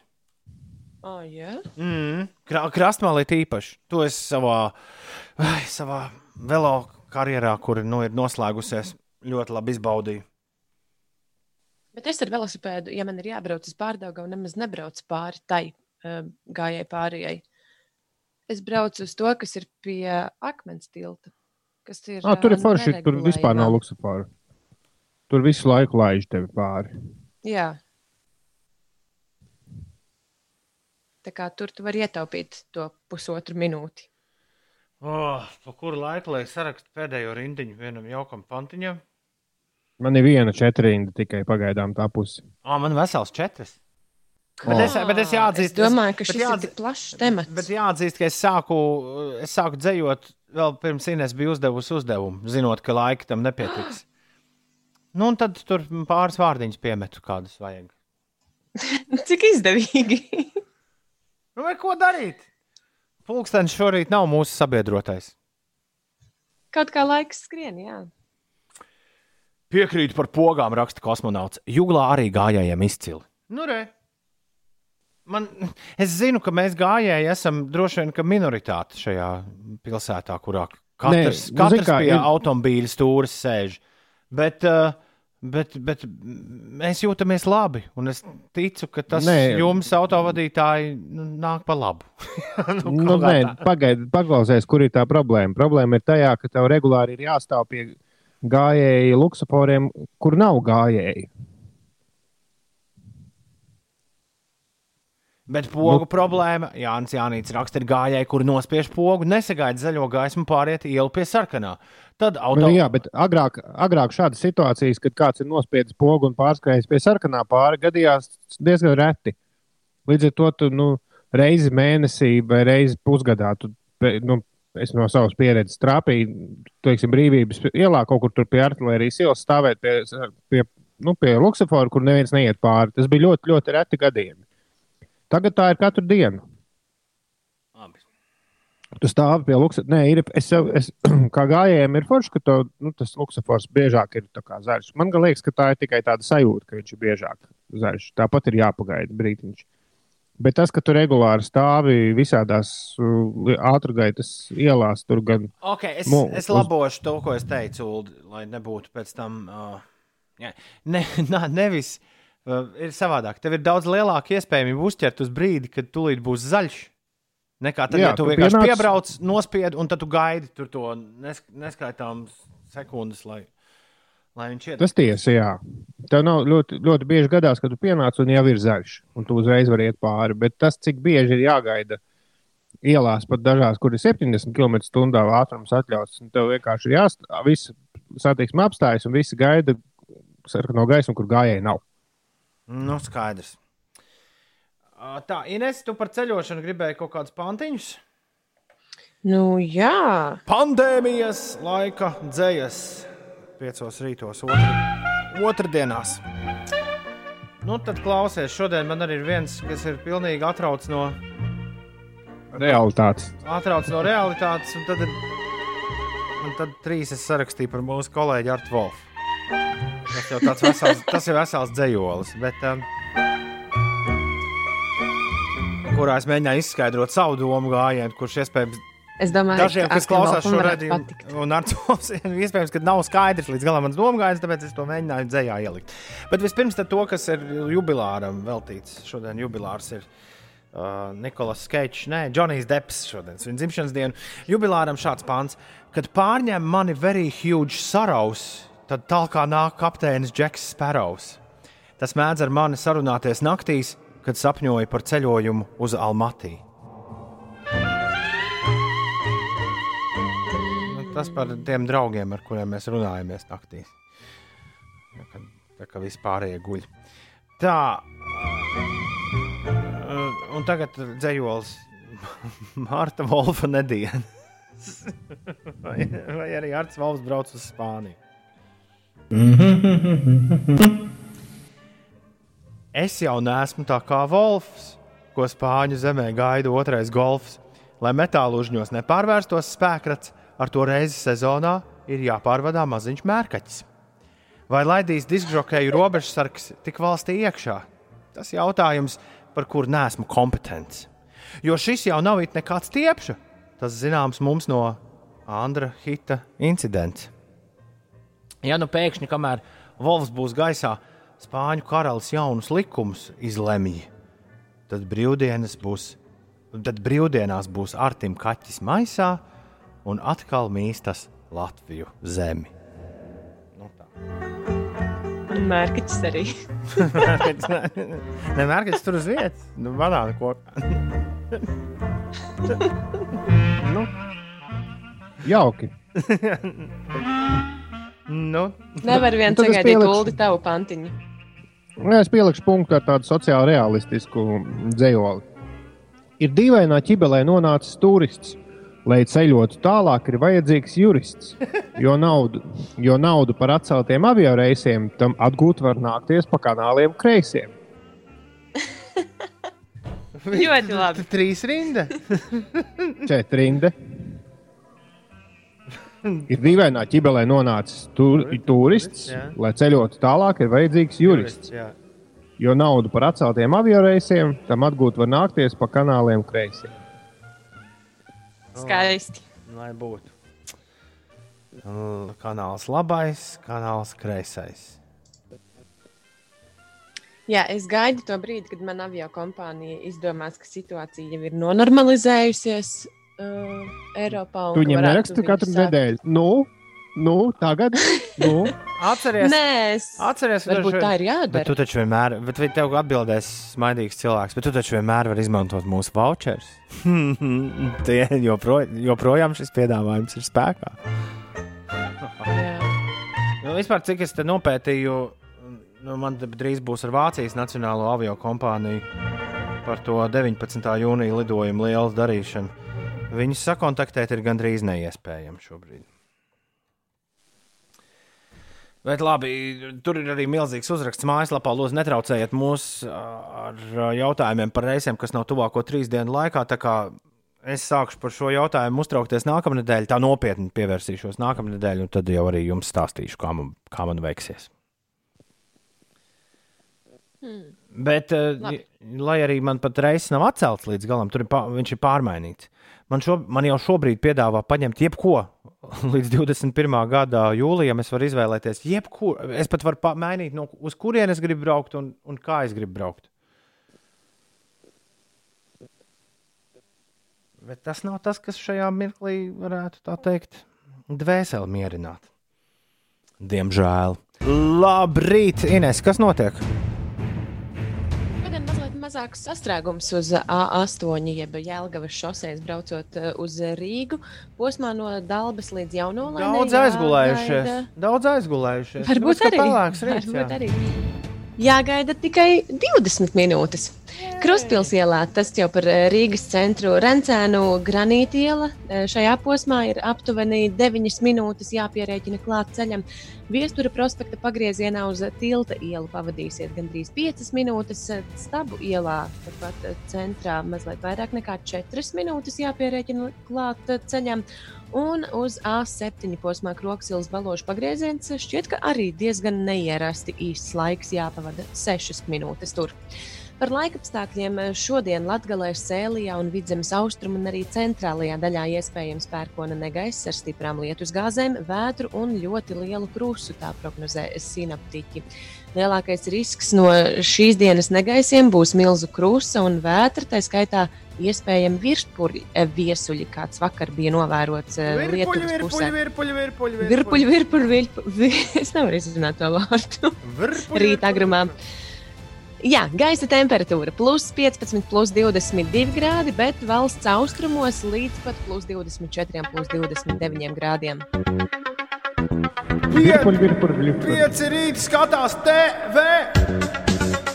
Ir ā, bez desmit minūtēm astoņi. Un šorīt piecu rītu televīzijas rubrikā Tīņu seriāls. Es šim nevaru noticēt. Man, rie, ja, piemēram, ieslēdz Netflixī kādu no, no tīņu gabaliem mūsdienu, es, es nevaru izturēt. Pēc, es esmu prom pēc desmit minūtēm. Es esmu palicis tik pikts. Nu, tu neesi tīnis arī, jā. Es neesmu tīnis, un man tas galīgi viss liekas, nu, nu, nu, nu cik var. Nu, tur. Man patīk, viņš, viņš, viņam mēs arī patīk. Nu, nu, apmēram tādā garā. Bet uh, nu, tad ir vienmēr kaut kur ir paralēli. Vienmēr ir paralēlais universs. Mākslā jau nu pavisam noteikti. Un televīzijas mākslā paralēlais universs, kas remdē ļaudis, kuriem ne, kurus Netflix dažkārt nokaitina. Šis paralēlais universs saucas HBO, Amerikas leģendārā kabeļu televīzijas kompānija, kurai ir jauns seriāls, kurš sauc Betty. Un šī seriāla miniseriāls pirmajā sezonā sešas epizodes, katra pusstundu gara. Svaigākā iznāca pirms nedēļas, jā, noslēdzot šo, šo sešu seri, sēriju stāstu. Un tad, nu, tad beidzot, priekšā ir moderns tīņu seriāls. Viņš tiek pasniegts kā tīņu seriāls, bet es ar lielu interesi esmu ar divām sērijām ticis galā. Par seriālu atbildīga ir kāda režisora Kristāla Mozela, par kuras neko iepriekš nebija dzirdējis. Bet šai Kristālai Mozelei ir bijusi filma, kur sauc Skate Kitchen, kas ir ļoti forša filma bijusi pirms trīs gadiem. Viņa ir savākusi Ņujorkas reālu meiteņu kompāniju, kuras nodarbojas ar skateboarding. Tad, uh, mm -hmm. brauc ar, ar, ar skrituļdēļiem. Un šīs meitenes, reālas skrituļu dēļu, kā nu, dēļotājs, ir arī pārvērtus par aktrisēm. Viņām neko, Uh, neko nu, tā īpaši neliekot izvēlēties. Vienkārši pateikusi, tā, jūs, draug, draugs, mīļās, tagad uzspēlēsiet kā aktrise filmā. Uh, filma, acīm redzot, kaut kādās aprindās ir gūs panākums, un HBO ir pasūtījis pēc filmas motīviem seriālu. Un arī šajā seriālā spēlē pilnīgi īstas, vienkārši Ņujorkas ielas meitenes. Meitenes, kuras uh, vieno tas, ka viņām ir kaislība uz uh, skrituļošanu un braukšanu ar skrituļdēli. Un tas iedod ļoti, eh, ļoti tādu dinamisku tempu visam, visam šim seriālam. Fakts, ka tur vispār nav profesionāli aktieri. Un visi tie jaunieši uzvedas eh, nu, absolūti tā, kā es varu iedomāties, kā Ņujorkā patiešām arī, arī jaunieši uzvedas. Tas par, tas par, tas par galveno nu, to formu un karkasu. Sižetiski tur ir mītū, tur ir feminisms, jā, bišķiņi aizskarts. Nu, tie bišķiņi arī nu, tā tur. Tūnbergas lietas, nu viss, par ko jaunieši mūsdienās vai ne runā un domā. Bet pats svarīgākais. Es sen esmu redzējis seriālu, kurā tie, tie cilvēki, kurš tuko kuru mūziku, kādu mūziku, kurā brīdī skanēs, kur viņi ir tik perfekti izdarījuši savu darbu. Tās abas divas pirmās Betijas sērijas var vienkārši klausīties. Nu, tur ir un, un, un šazamot un domāt, wow! Kas tas ir, kas tur skan? Tā kā es esmu, es esmu absolūtā sajūsmā par Betiju. Un iesaku to paskatīties arī jums. Interesanti, ka latviešu viņi nesauc par Betiju, bet viņi, viņš ir iztulkots savādāk. Tagad eju nu un atveru īsto platformu, lai, lai pateiktu, kāds ir tas latviešu nosaukums. Ah, bet reku viņi piedāvā mājaslapā. Viņiem ir gan Spotify playlist, gan uh, Betija albums pieejams ar visu ah, mūziku. Beibe, ir... beibe. Tā ir iztulkots latviešu. Nezinu, kāpēc. Jā. Tur viss kaut kas, bet eh, kas interesanti, ka tomēr tā līdz galam neviena playlist neatbilst patiesībai. Nu, ar visu, kas tur tajā seriālā skan, tur diezgan pašam jā, jāmeklē rokā. Un tas jau arī forši. Tas man atgādina par par laikiem, kad, um, kad vēl nekādas Spotify nebija. Nu, Tālāk, Betī, šodien meklējiet to shortcut un LMT traumu platformās Latvijā, kur izrāda HBO seriālus. Pirmā sezona ir gatava, iepakota, viss tagad pilnībā pieejama. Es ticu, ka šim seriālam būs arī otrā, trešā, ceturtā un tā tālāk uz priekšu. Un, ja tev galīgi izklausās, ja tas galīgi nav paredzēts tev šis par ko es šodien stāstīju. Tad uh, Netflixī es iesaku, es esmu pavērojis, man liekas, pirmo pusi no pirmās. No pirmā šova, jo tā, tas nav seriāls, tas ir šovs, šovs kurš sauc The Titan Games. Titan Games ir Dwayne, Dwayne Johnsons. Nu, ir tas The Rock. Rock. The Rock jā. Viņš ir uztaisījis savu nezvēru, par nezvēru Beast. Tas sauc uh, spēļu šovu, kur vadīja, ja nemaldos, Silvestris Stallone. Uh, bet Titan Games ir tād, mi, tāds milzīgs, crazy stafetes. Un uh, šajās, uh, šajās stafetēs sacenšas uh, ikdienišķi cilvēki. Nevis sportisti, kā tas bija uh, tajā nezvērā, bet Titan Games ir stafešu spēle, kurā sacenšas cilvēki, kur ikdienā vienkārši ir spēcīgi un atletiski. Piemēram, Inês varētu piedalīties The Titan Games. Bet nu, tas viss ir uztaisīts kā šāds, sta, kā šāds stafešu konkurss, un tas ir uztaisīts pilnīgi atbilstoši tam, kā šādam konkursam jāizskatās 21. gadsimtā. Es ar lielu. Tas bija mazi. Man liekas, ka forši būtu piedalīties Takešī pilī. No, šī, šī ir 21. gadsimta Takešī pils. Titan Games netliķī pameklējies. Ines Takešī pili pieminēja, un kosmonauts raksta, ka nu, Takešī pilī visu šovu laikā esot bijuši tikai astoņi cilvēki, kas vinnēja. Vieglāk esot vinnēt azartspēles. Uh, es vispār brīnos, jo es di biju diezgan aizrautīgs, tā kā šī pilsētas skatītājs, bet es nereiz neesmu redzējis, ka kāds tur uzvar. Man liekas, ka tā ir visas šīs. Un vispār tāda austrumu kultūras un, un austrumu filozofijas būtība, ka šajā spēlē nevar uzvarēt. Un kosmonauts gandrīz nokavēja mūsu atgriešanos ēterā, meklējot informāciju, bet es nekur par tiem astoņiem cilvēkiem neatradu informāciju, ka tā tiešām ir bijis. Bet 133 spēles kopā ir bijušas. Bet, no 86. Nu, līdz 90. gadam. Vairāk jau ir ne jau tas uzvaras prieks, bet vispār piedalīšanās tādā pasākumā. Man liekas, ka tas ir interesanti. Leģendārais režisors Takeshi Kitāno, kurš tiešām ir leģendārs eh, režisors, kurš šo visu bija izdomājis un arī televīzijā. Japānā iedabūjis. Viņš 2002. gadā atzīst, ka vispār nu, ļoti nedroša spēle bija priekš dalībniekiem. Ļoti daudz cilvēku ir pēc tam uz slimnīcu vēsti. pēc, pēc tam, ka šī pilsēta. Jā, astoņi ir uzvarējuši. Oh. Un, jā, ne, bojā gājušo nav. Tad labi. tas ir, tas ir Jā. vislabākais. Jā. Visā šajā 41 uh, lausta riba, 19 lausta žokļi, Oi. Ui. 9 zaudējuši samaņu, 35 smadzeņu trīces, 2 ielausti galvas kausi, 112 zilas acis. Ja tev nav ne 60 jausmas, par ko mēs runājam, šodien kaut kad dienas laikā ieraksti YouTube Takeshi Castle. Man bija pirms daudziem, daudziem gadiem Amerikas tēvots atsūtījis amerikāņu adaptāciju Takeshi pilī. Nu, proti, tas īstais Japāņu šovs, bet tur pa virsmu amerikāņu komiķis muldēja. Atceros, tā mm -hmm. bija tīra tāda jauka skatām viela. Tā kā šī pilsēta nevar iziet no modes nekad. Pat ja kāds taisa jaunas un modernas versijas, apmēram uz to pusi. Ok, ir eh, 8 pār 8, 2. 9. jūnijas. Uldis ir saticis Latvijas valsts prezidentu. Nu, tā varētu teikt. vaigā? Nu, vaigā, es, es biju mašīnā, viņš bija, viņš bija ārpusē, bet uh, stāsts, kā es viņu redzēju, bija. Nu, es Latvijā kaut ko tādu redzēju pirmo reizi. Pa, Nu, pieļauju, nu, ka stāsti. Pasaulē arī. Tā tad uh, vispār pirmā doma bija, ka viņš ir ieradies uz koncertu Jūrmalā. Jūr, Jūrmalā sestdien mums bija Radio Big Band koncerts, kas bija slēgts. Bet viņu Bez rādīja televīzijā. Bet televīzijā, jā, mums bija ārā tajā dzīvē koncerta zālē, ārā estrādē, bet bez publikas. Nebija ne publika, bija tikai uh, operatori, televīzijas cilvēki un viss. Uh, Bet cilvēku bija tik daudz, ka tā pirmā doma bija, nu, kā ierasts, kā, nu, kā cilvēks apbraukuši uz koncertu. Un ieraugot prezidentu, arī man pirmā doma bija, ka varbūt ka viņš kaut kādā veidā ir izdīcis iespēju, nu, prezidents varētu kaut kādā veidā tikt un pasēdēt tur stūrīt iestrādē. Bet nē, tā nebija.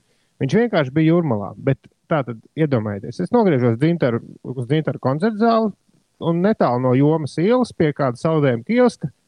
Pa ietvi viens pats, apkārt nav neviena cilvēka. Viens pats iet vīrs uz valkā, kas aizdomīgi atgādina mūsu prezidentu.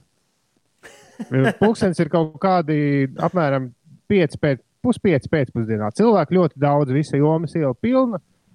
100 metrus no jomas ielas pa ielu viens pats. Un piebraucot tuvāk, tas tiešām ir viņš. Viens pats ar plī, žaketei plīvojot diezgan straujā gaitā kaut kur dur. Labais. Iedomājieties to skatu. Jūrmalā prezidents vien, vienkārši viens nu, uzvalkā kā pre, prezidenta pienāks, un tas tiešām bija viņš. Pēc tam, nu, un, un tā kā to redzēja vēl daudz, es domāju, tas nekādus tagad drošības noteikumus nepārkāpja, jo to tiešām varēja redzēt, jebkurš, kas tur atradās. Tur bija gan turisti, lietuvieši, diezgan daudz, gan vietējie. Nu, bija daudz cilvēku, bet Ah, tie, Viņam teica, nebija oh, neviena." egli, eglis. Eglis. Look, there's eglis going. Diemžēl man nebija laika piestāvēt un paskatīties, uz kurien viņš te- tik straujā tempā dodas. Jo netālu bija tikai viens saldējuma kiosks, iespējams, pēc saldējuma. Pēc tam, protams, ieskatoties, tur redzi, ah, re, kur ir uh, atpūtnieka kreklā, otrā ielas pusē vīrs ar austiņu. Re, kur ir vīrs ar austiņu, re, kur vēl viens vīrs ar austiņu. Apsardzes tā tad ir. Bet apsardze ir tērpusies jūrmalai, pludmalei tādās nu, pieklājīgās drānās, lai neuzkrītoši. Un uh, nu, vismaz desmit metru distanci ievēroja no prezidenta. Nu, viņi arī distancējas. Nu, kā apsardzēt, taču arī Es, jāievēro es, es distance. jums stāstīju, ka Raimons Vējons man teica, beidzot savu prezidentūru, ka visdīvainākais būs pie mašīnas stūres apsēsties. Pirmo reizi pēc, jo, viņi ne, jo prezidents nedrīkst sēdēt pie mašīnas stūres nevienā mirklī. Un es pilnīgi iedomājos, kā Levita kungs saka, apsargāt, klausieties, es jau tā, es nevaru ar mašīnu normāli pabraukt, es nevaru pēc saldējuma aiziet. Bet, īsam, bet tas skats bija tik foršs, un, un, un, un uzreiz zūd tā sajūta, zin, ka tur ir milzu, milzu procesiju un viss tur paiet malā. Parasti cilvēki nāk prezidents. Nē, prezidents vienkārši, nu, iedomājies mūsu Levita tādā straujā gaitā ar tādu aizņemtu seju, kaut kur steidza, steidzīgi ejam pēc, piemēram, pēc Ing- Ingvars, Ingvars raksta, ka šis ir slikts materiāls rīt radio. Jo tas nesot nekas. nekas uh, Viņam ir kaut kas labāks. Jā, nekas īpašs. Viņš trīsreiz prezidentu redzējis vienu pašu šrimī. Es neteikšu, kurā. Šrimī iepērkoties, pat ne uzvalkā. Miesas sargi pie kases stāv un ārpusē pie mašīnas. Acīm redzot, Nu, acīm redzot, šis, piekrītu. acīm redzot, šis prezidents ir Levitkungs, ir ir riktīgi, ir riktīgi ar ulda skrupulozi- skrupu- skrupulozitāti piegājis šai lietai un izpētījis, ko viņš var un ko viņš nevar. Jā, un gūta pareizi raksta drošība augstākajā līmenī, ja tu pat neredzi. Jā, nu, nu, tā bija. Jo, nu, bet, bet iedomāties to skatu tiešām nu, kādā no lielvalstīm ļoti grūti. Nu, iedomājies, kā tur slēdz puspilsētu, lai prezidents varētu kaut kur piebraukt. Nē, mierīgi. Tā kā forši dzīvo. To man arī reiz Vajoņa kungs teica, ka ā, viņam nepatīkot Amerika, tāpēc ka Amerikā nevar iziet uz ielas prezidents. Nesaskaņojot to pirms tam uh, ar 20 dažādiem dienestiem. Kur ies, kad ies, cikos ies, kas ies, kāpēc ies. Pilnīgi brīnums, kā Gunts Ulmans to, toreiz Ņujorkā pie medību naža tika. Atcerieties, bija tāds stāsts. Viņš aizgāja nopirkt. Jā, viņš aizgāja nopirkt medību nazi Ņujorkā. Prezidents laikam var lidmašīnā. Ah, nu toreiz jau vēl drīkst. Toreiz varēja. Jā. 13 pār 8. Labrīt! Jau rīktīgi daudz tā kā šī pilsēta, uh, angļu versijas ir tajā, nu, sērijas ir YouTube. Es apstājos. Man šķiet, ka es zinu, ko es darīšu šo pēcpusdienu. Mūsu Rīga Latvijā! Cēlies augšā. Šeit Latvijas radio 5, 5 LV. 5 rītī. Tāds ir, ir šī raidījuma nosaukums joprojām. Atvainojos, tev ir pierādījumi. Man ir. Uh, Vari parādīt? Nē, nerādīšu. Vienīgie pierādījumi, kas man šorīt ir, ir pierādījumi par gaviļniecēm, Gitu un Ligitu. Viņām tiešām šodien ir vārdu diena 9. jūnijā, kā katru gadu. Zelmai Jēgerai, jeb viņai ir uh, dzimšanas diena. Daudz laimes, lai tev vienmēr uguns! Rūtai Dūdumai Čirsei, vokālistei un pedagoģei daudz laimes. Sandijai Baranovskai galda tenisistai vēlam daudz laimes dzimšanas dienā. Aigaram Apinim, jā, paralimpietim, diskmetējam. Šodien dzimšanas diena Vācu futbolistam Miroslavam Klozem dzimšanas diena. Amerikāņu scenārists Ārons Sorkins svin dzimšanas dienu. Natālijai Portmanai, amerikāņu aktrisei dzimšanas diena Maikls J. Fox. Viņš ir uh, kanādiešu amerikāņu aktieris, kurš spēlēja, kā sauc, Mārtiņu. Atpakaļ nākotnē. Mārtiņu, jā, viņš spēlēja atpakaļ jā. nākotnē. Un uh, šodien, šodien dzimšanas dienas svin arī kapteinis Džeks Sparrows. When you marooned me on that godforsaken spit of land, you forgot one very important thing, mate. I'm Captain Jack Sparrow. Džonijam Depam. Džonijam Depam šodien dzimšanas diena. Ko tu gribi teikt? Es, uh, Ines pirms stundas domāju, ka, š, ka, Toms, uh, nu, ka es šo esmu ierunājis. Es pamēģināšu tagad, Ines. Aiziet. Es gan neatceros, ko viņš te teica. When you were on me on the, the God's Forsaken Island, you forgot one thing. I'm Captain Jack Sparrow. Bet sākums bija When you were on me. jā, jā, jā. Jā, bet viņš mazliet tādā pies, piesmakušākā, tādā mazliet draudoši uh, zemākā tonī. Pamēģini. Jā, tādā, jā, netik draudzīgi. When you were on me on the God's Forsaken Tad vēlreiz Džonijs Deps. When you marooned me on that godforsaken spit of land, you forgot one very important thing, mate. I'm Captain Jack Sparrow. Jā, viņam ir kaut kāds tāds vēl mazliet brīvs. Tāds, Bet viņam ir tāda stilīgums. pilnīgi pilnīgi melodija skan. Jā, When you were on me- jā, jā, jā nē, bet tā es nemāku. Bet tu centies. Okay, paldies par centībām. Ines, pastāsti, kas notiek.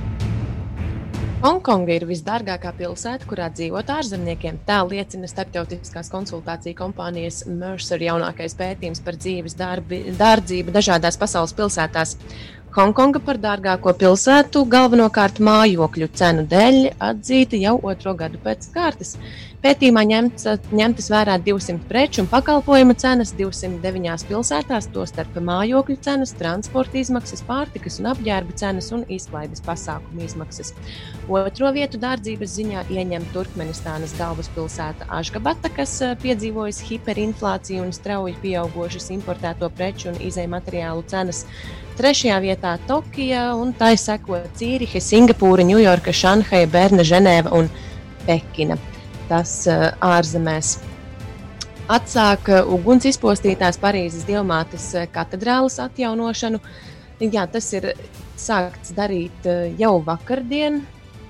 Tos pirms vairākiem mēnešiem pārtrauca Covid-19 uh, pandēmijas dēļ izraisītā ārkārtējā situācija arī Francijā. Uh, Par situāciju uz autoceļiem tepat Latvijā ierastais sastrēgums uz Jālgavas šosejas no Dalbas līdz Jaunolainai šobrīd prasīs pusstundu, un Rīgā jārēķinās ar vismaz 5 līdz 6 minūšu kavēšanos Kārļa Ulmaņa gatavē, Gustava Zemgala gatavē un arī Buļļu ielā, Jūrmals gatavē un Vaņodas ielā.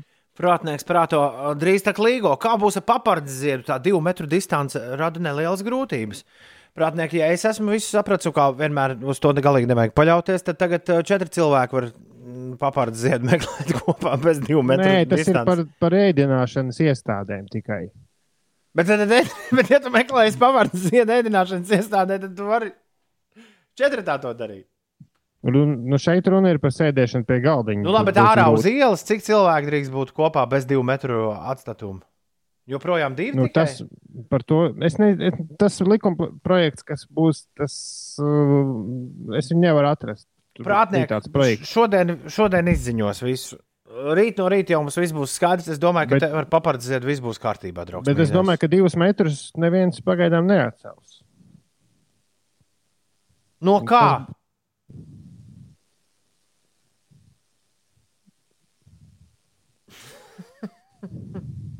Divas reizes no kā? Nu, rekur jau atcels. Četratā var sēdēt uh, bez diviem metriem pie viena galda kafejnīcā. Nu, agrāk varēja divi tā. Divi tā taču varēja sēdēt bez diviem metriem.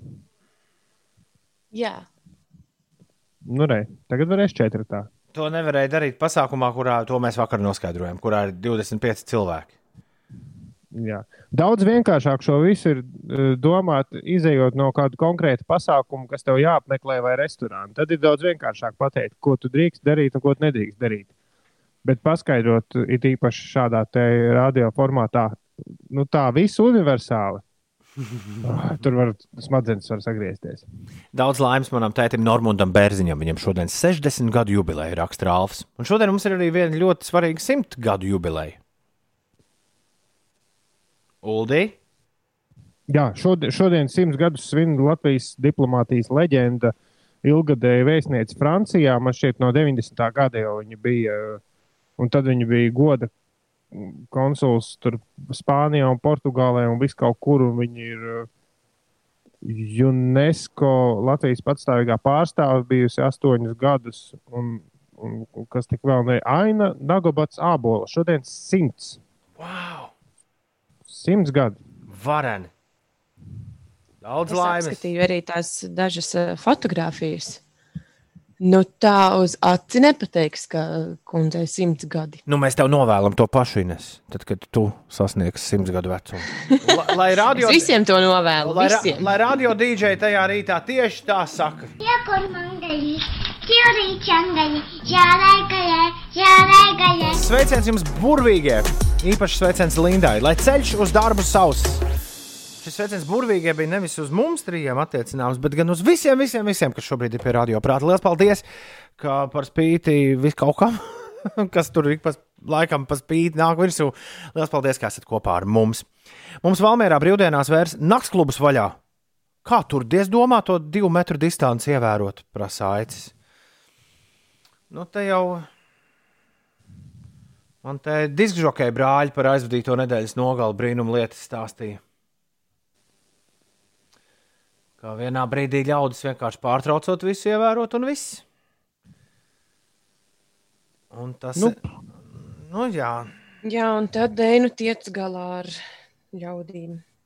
Nu, atliek vienīgi cerēt, ka mums. Uh, Baigā imunitāte. Nē, nu, kāda imunitāte? Ka mums statistika ir tik maza, ka nu, lielākā iespēja tev saslimt, ja tu šobrīd esi kādā veco ļaužu pansionātā vai, vai, vai vienkārši, ja tu esi nu, gados vecs un kaut kur. Nu, kas ir mazliet skan cietsirdīgi, bet nu, tā statistika ir tāda, kāda tā ir. Jā. Un, un, un, te, nu jā, un tagad ir tā muļķīgā situācija, ka visi tie, kas teica, ka tie nu, ierobežojumi ir muļķīgi, tagad saka, jā, bet nekā jau nebija. Nes, nu, bet kaut kā cilvēki nesaprot, ka, ka ir ļoti liela iespēja, ka tie ierobežojumi ir tieši tas iemesls, kāpēc statistika ir tāda, kāda ir. Jā, bet Zviedrijā viņi varēja. Bet mums jau bija tas pats, kas Zviedrijā. Faktiski mēs bijām viena no vismazākajiem ierobežojumiem, kāda vispār ir. Latvijā. Tikai atšķiras viņš procents, cik ļaudis aizgāja, aizgāja tur augšā. Nu, tad, Zviedrijā kafejnīcas, un nu kā, nu, Zviedrija šobrīd ir tajā ārlietu ministrijas lapā, ir pašā augšā ar tiem gadījumiem uz 100 tūkstošiem mm. no visām Eiropas valstīm. Un, un, un, un, un, jā, viņi paši atzīst, ka bija kļūda, jo viņiem kafejnīcas un klubi turpināja darboties. Un viss drīkstēja, nu, nebija tāda. Nu, cilvēki jau tāpat distancējās. Bet Kla... viņiem visu laiku bija apmēram tas, kas mums būs pēc kāda, pēc kāda laicīga drīz. Jā, jā. Morgan, tilts tilt, tusiņš lielākais pa pusgadu kādu atminos. Jā, diemžēl šobrīd. nevaru komentēt. À, tas šobrīd. Nevar komentēt, jo ir tāda migla, ka no TV torņa kamerām neviena neko nerāda. Jā, atkal skaists ir rīts. Astīns miglā. Tūmis ir atrakstījis miglas SMS, un tas skan šādi. Migla šur un migla tur, migla šodien visur. Pēķis lielas, dīķi pilni, upes straujas, ūdens visur. Liela, liela, liela krusta nu ir garām, gaidām atkal silto sauli, lai ir saulēns, lai ir silts, lai ir visiem pēkšņi viss tā mums tumis rakstā. SMS. Tumis rakstā. SMS, SMS, SMS, SMS, un ievada tas aptauju, ko sauc. Metam gaisā vai grūžam aizā! Interesantās mūzikas aptauja. Katru rītu apmēram pēc pusdeviņiem. Nu, ko, mīļie draugi, kopš vakardienas mums ir uh, atkal jaunumi. Goda piedestāls tagad nu, tāds gruntīgs izskatās. Bronza! Nāku es no pazemes, pazemes, pazemes. Nāku es no pazemes, no dziļas pazemes. Ar uh, piecām, piecām uzvarām šajā sezonā Viesturs nāku es no pazemes. Viltīgie mazie zaķi atdod zapti kopš vakardienas pārliecinošā otrā vietā ar sešām uzvarām un šodien steigsies pretī pole position, kur ar septiņām uzvarām ir vieste un cirnānā. Tātad viltīgie mazie zaķi šorīt uh, traucas pēc septītās uzvaras šo sezonu.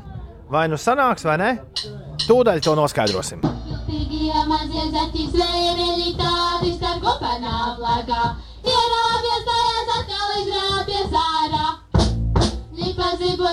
tajās paslēpjas spēlē. Viltīgie mazie zaķi zvērēļi tādi starp kopanām lagā. Ierāpjas tajās atkal izrāpjas ārā. Lipazība un veids tajās paslēpjas spēlē.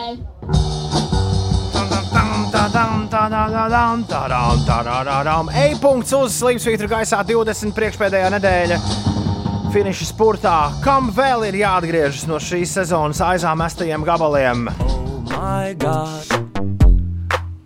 E-punkts uz Slimsvītra gaisā 20. Tur tu vari atrast visas 50 dziesmas, kas startēja šajā sezonā. Daudzas no šīm dziesmām jau ir iemestas. Uh, nu, pareizi sakot, jau ir atgriezušās un atkal iemestas aizā. Tās vairs nevar atgriezties. Bet ir viss kaut kas, kas vēl var, var, var, var spurtā parādīt, tā teikt, dūrītes. Kušiku pādrasā. E-punkts uz slīpsvītra gaisā 20 ver vaļā. Iztuko, kam jāatgriežas un zvani. 29, 31, 20, 20. Es devu visu tev, no apaviem līdz mājai. Teici, ka būs viss. Ka... 29, 31, 20, 20. Laiks kādam atgriezties.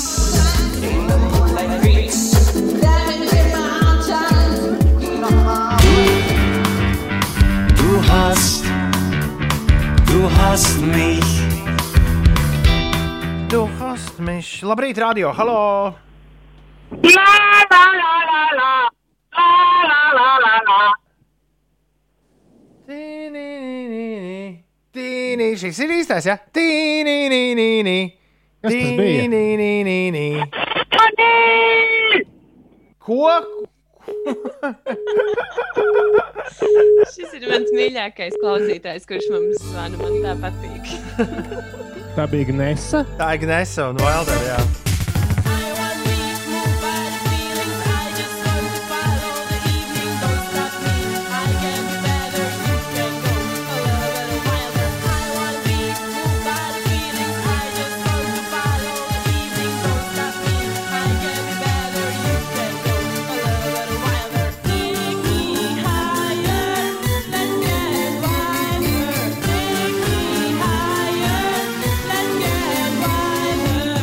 Take me higher, let's get wilder.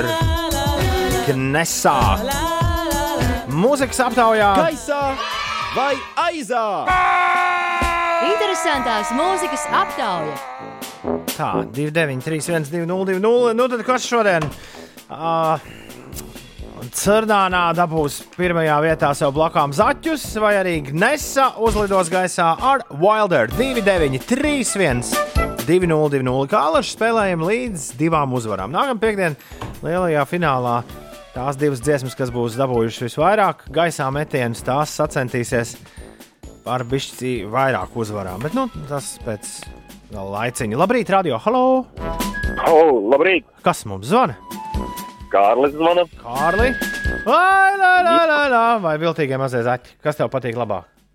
Nu, zini, kā es domāju, ka uh, jāuzvar būt kaut kam latviskākam, tā kā zaķi gaisā. Tīgie mazie zaķi zvērēļi tādi starp kopanām lēkā. Ierāpjas tajās atkal izrāpjas ārā. Es Ines, pilnīgi jūtu, kā šobrīd Pāvilos tā, sāk uztraukties. Bet es priecājos par maziem viltīgiem zaķiem. Pelnīt, tā tad, tavuprāt, ja? tas uh, Jā. triumfa gājiens. Labi, tagad Ingūram jāpiezvan, jāpasaka, ka ir viens, viens. Labrīt, halo! Labrīt! Kas mums zvana? jā, jā. Pāvilos te ir tātad. Uh, Klausulas otrā galā, es tā noprotu. Mēs par, mēs par to nevainīgo skaisto meiteni. Nevar būt! Nevar būt! Jā. Jā. Čau! Čau! Tā! Gnesa un Wilder gaisā! Jau sāk taktiski spēlēt? Nu, skaidra lieta, skaidra lieta. Šis ir playoffs, saprotiet, tāds 2-0 nav rezultāts. Viens, viens vienmēr jābūt. Halo! Kas mums zvana? Čau, labrīt, Ēriks. Nu, čau, Erika. Erika, tu esi tagad uh, vēsturnieks. nu, jo tu tā teikt, vēsture bija ietekmēs. Saki, nu kas nu notiks tagad gaisā vai aizā? Nu, Gnesa bija pavaļausījās, lai iet atpakaļ aizā. Tā tad uh, ma mazos zaķīšus metam gaisā. Protams. Mazie zaķi zvērēļi tādi starp Lūdzu! Un pirmajā pozīcijā visā sezonā līdz ar šo ir ne tikai Cernānā viestē, bet arī viltīgie mazie zaķi, kuri šorīt ir ieguvuši uzvaru numuru septiņi. Jā,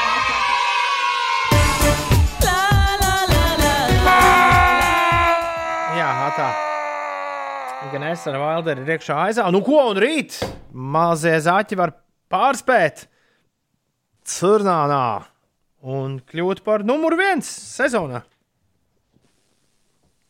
Šim visam gan diezgan šai cīņai ilustratīva nozīme, jo, jo nu, vienalga viesti un viltīgie mazie zaķi kausies par uzvaru Šobrīd tā izskatās. Grūti iedomāties, vēl ir? kas vēl var viņus noķert. Kavasaki nav atgriezies, ja bija atgriezies. Es man šis viss Kā saka, nebija. Kavasaki vēl nav atgriezies. Nē. Kavasaki vēl varētu vēl kaut kādus zobus daudz maz parādīt. Elboņoņoņ, varbūt. Nezinu. Uldis vēl uz bet, bet čurāšanu lika kaut kādas. Kārtas. Jā. Es gribu Vitas un Billy Eilish vēl apakaļ redzēt. Jā, bet viņiem ir tikai viena uzvara, līdz ar to viņiem ir vajadzīga. Viņu veselu nedēļu, viņiem veselu nedēļu Jā. ir jāmalc. Jā. Nu, vienmēr sakot, interesanti mums te notikumi. Raudzīsim nu, tālāk atkal rīt no rīta. Kas un kā notiks? Aicis Aicis raksta, ka viņš var tikai iedomāties, kā tas bļāvējs tagad kliedz, ka iemet gnesu aizā. un Kārlis saka, sezonā jāuzvar latviešu dziesmai. Yeah! Metam gaisā vai grūžam aizā! Interesantās mūzikas aptauja. Katru rītu apmēram pēc pusdeviņiem. Minūte raksta, labrīt, piecīši. Kāds prieks jūs dzirdēt. Es neesmu jūs dzirdējis kopš 12. marta. Lai visiem fantastiska diena un viss izdodas. Minūte mēs skumām pēc tevis, bet ir forši, ka esi atgriezusies.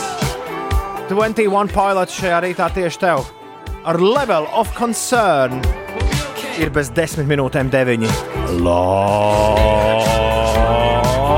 visapkārt! Jā, izrādās, ka dziesmas samīļo mani, par kur te raksta Imants arī. Kas ar to, vai tā nevar vēl uzvarēt? Viņi uz pavisam mazu mirkli bija, bija ieradušies spurtā un momentā ņēmēji. Viņus izlidināja ārā. Līdz ar to viņiem vairs nav iespēja būt atpakaļ. Jā, un Friškalēta arī ir bijusi. Friškalēta arī ir spurtā bijusi, ir ārā. Tā kā, nu, interesanti, interesanti. Ir bez desmit deviņi Inês, kas notiek. Covid-19 pandēmijas laikā ieviesto ierobežojumu dēļ pasaulē ir ievērojami samazinājusies auto un avio satiksme. E, Nozīmīgu kritumu ir pieredzējusi arī rūpniecība. Tā rezultātā daudz vietā ir manāmi uzlabojusies gaisa kvalitāte. Vienlaikus vides aizstāvi ceļ trauksmi par plastmasas piesārņojumu pieaugumu, kas ir saistīts ar biežāku vienreiz lietojamo sejas aizsargu masku un gumijas cimdu izmantošanu, lai izsargātos no inficēšanās ar covid-19. Vēl par, par šīs dienas laikapstākļiem. Tie diezgan eh, svarīgi. Latvijā, Sēlijā un Vidzemes austrumu un centrālajā daļā iespējams pērkona negaiss ar stiprām lietusgāzēm, vētru un ļoti lielu krustu, tā prognozē sinaptiķi. Valsts lielākajā daļā pa laikam gaidāms lietus vietām līdz stipri, kur zemē gan nav gaidāmi būtiski nokrišņi. Galvenokārt pūtīs lēns ziemeļu vējš, gaisa temperatūra pakāpsies līdz plus 15, plus 22 grādu atzīmē, valsts austrumos līdz pat plus 24, plus 29 grādiem. Rīgā var saglabāties apmācies laiks, gaidāms lietus un neliels ziemeļrietumu vējš, gaisa iesils līdz plus 17 grādiem. Par sastrēgumiem galvaspilsētas ielās Jūrmālas gatavē jārēķinās ar 7 minūtēm posmā no Dzirciema ielas virzienā uz Slokas ielu pa labi. Kārļa Ulmaņa gatave arī sastrēgus uz 6 minūtēm, bet citās ierastajās sastrēgumu vietās jārēķinās ar 4 līdz 5 minūšu kavēšanos. Bez astoņām minūtēm deviņi.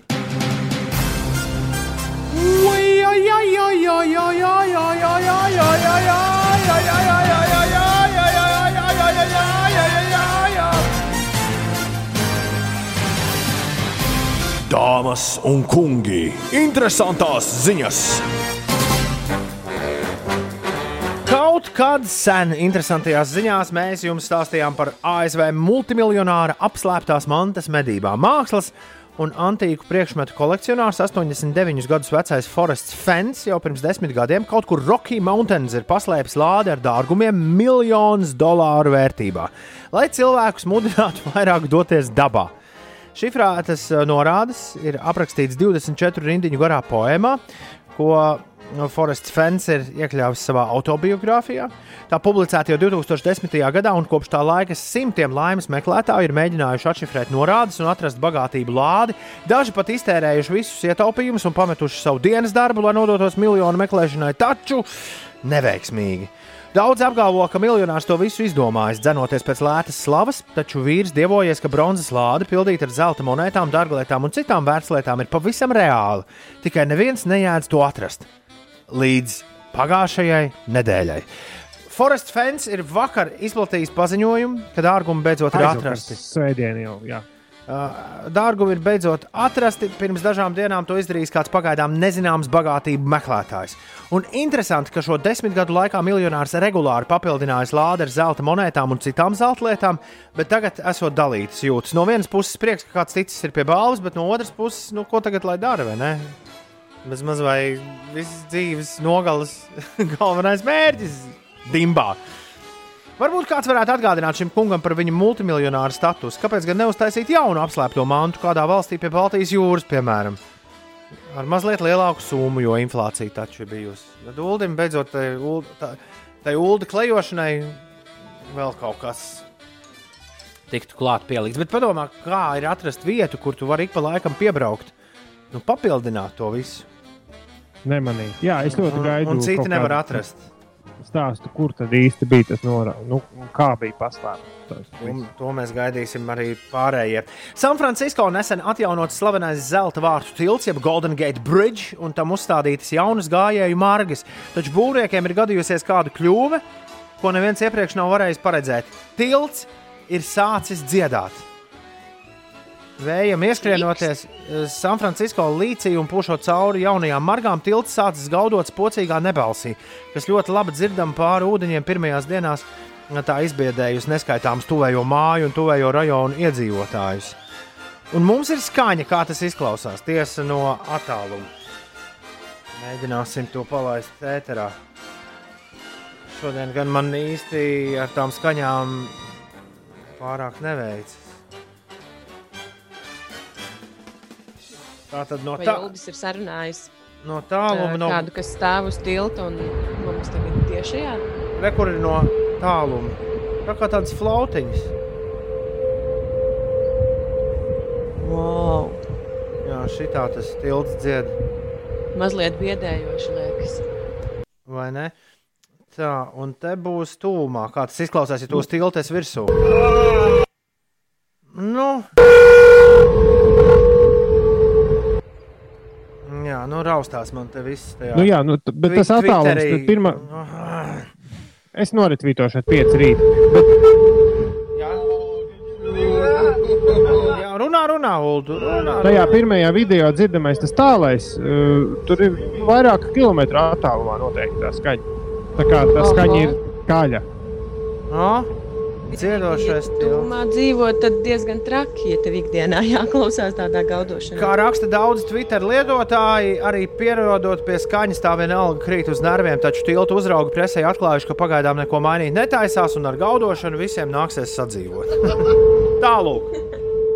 Un kas ir Madagaskarā ar lollipopiem noticis? Madagaskarā viņi ir uh, ieviesuši kaut kādas savas zāles pret covid-19 vīrusu, kaut kādu īpašu augu toniku. Un, un tas ir rūkts un negaršīgs.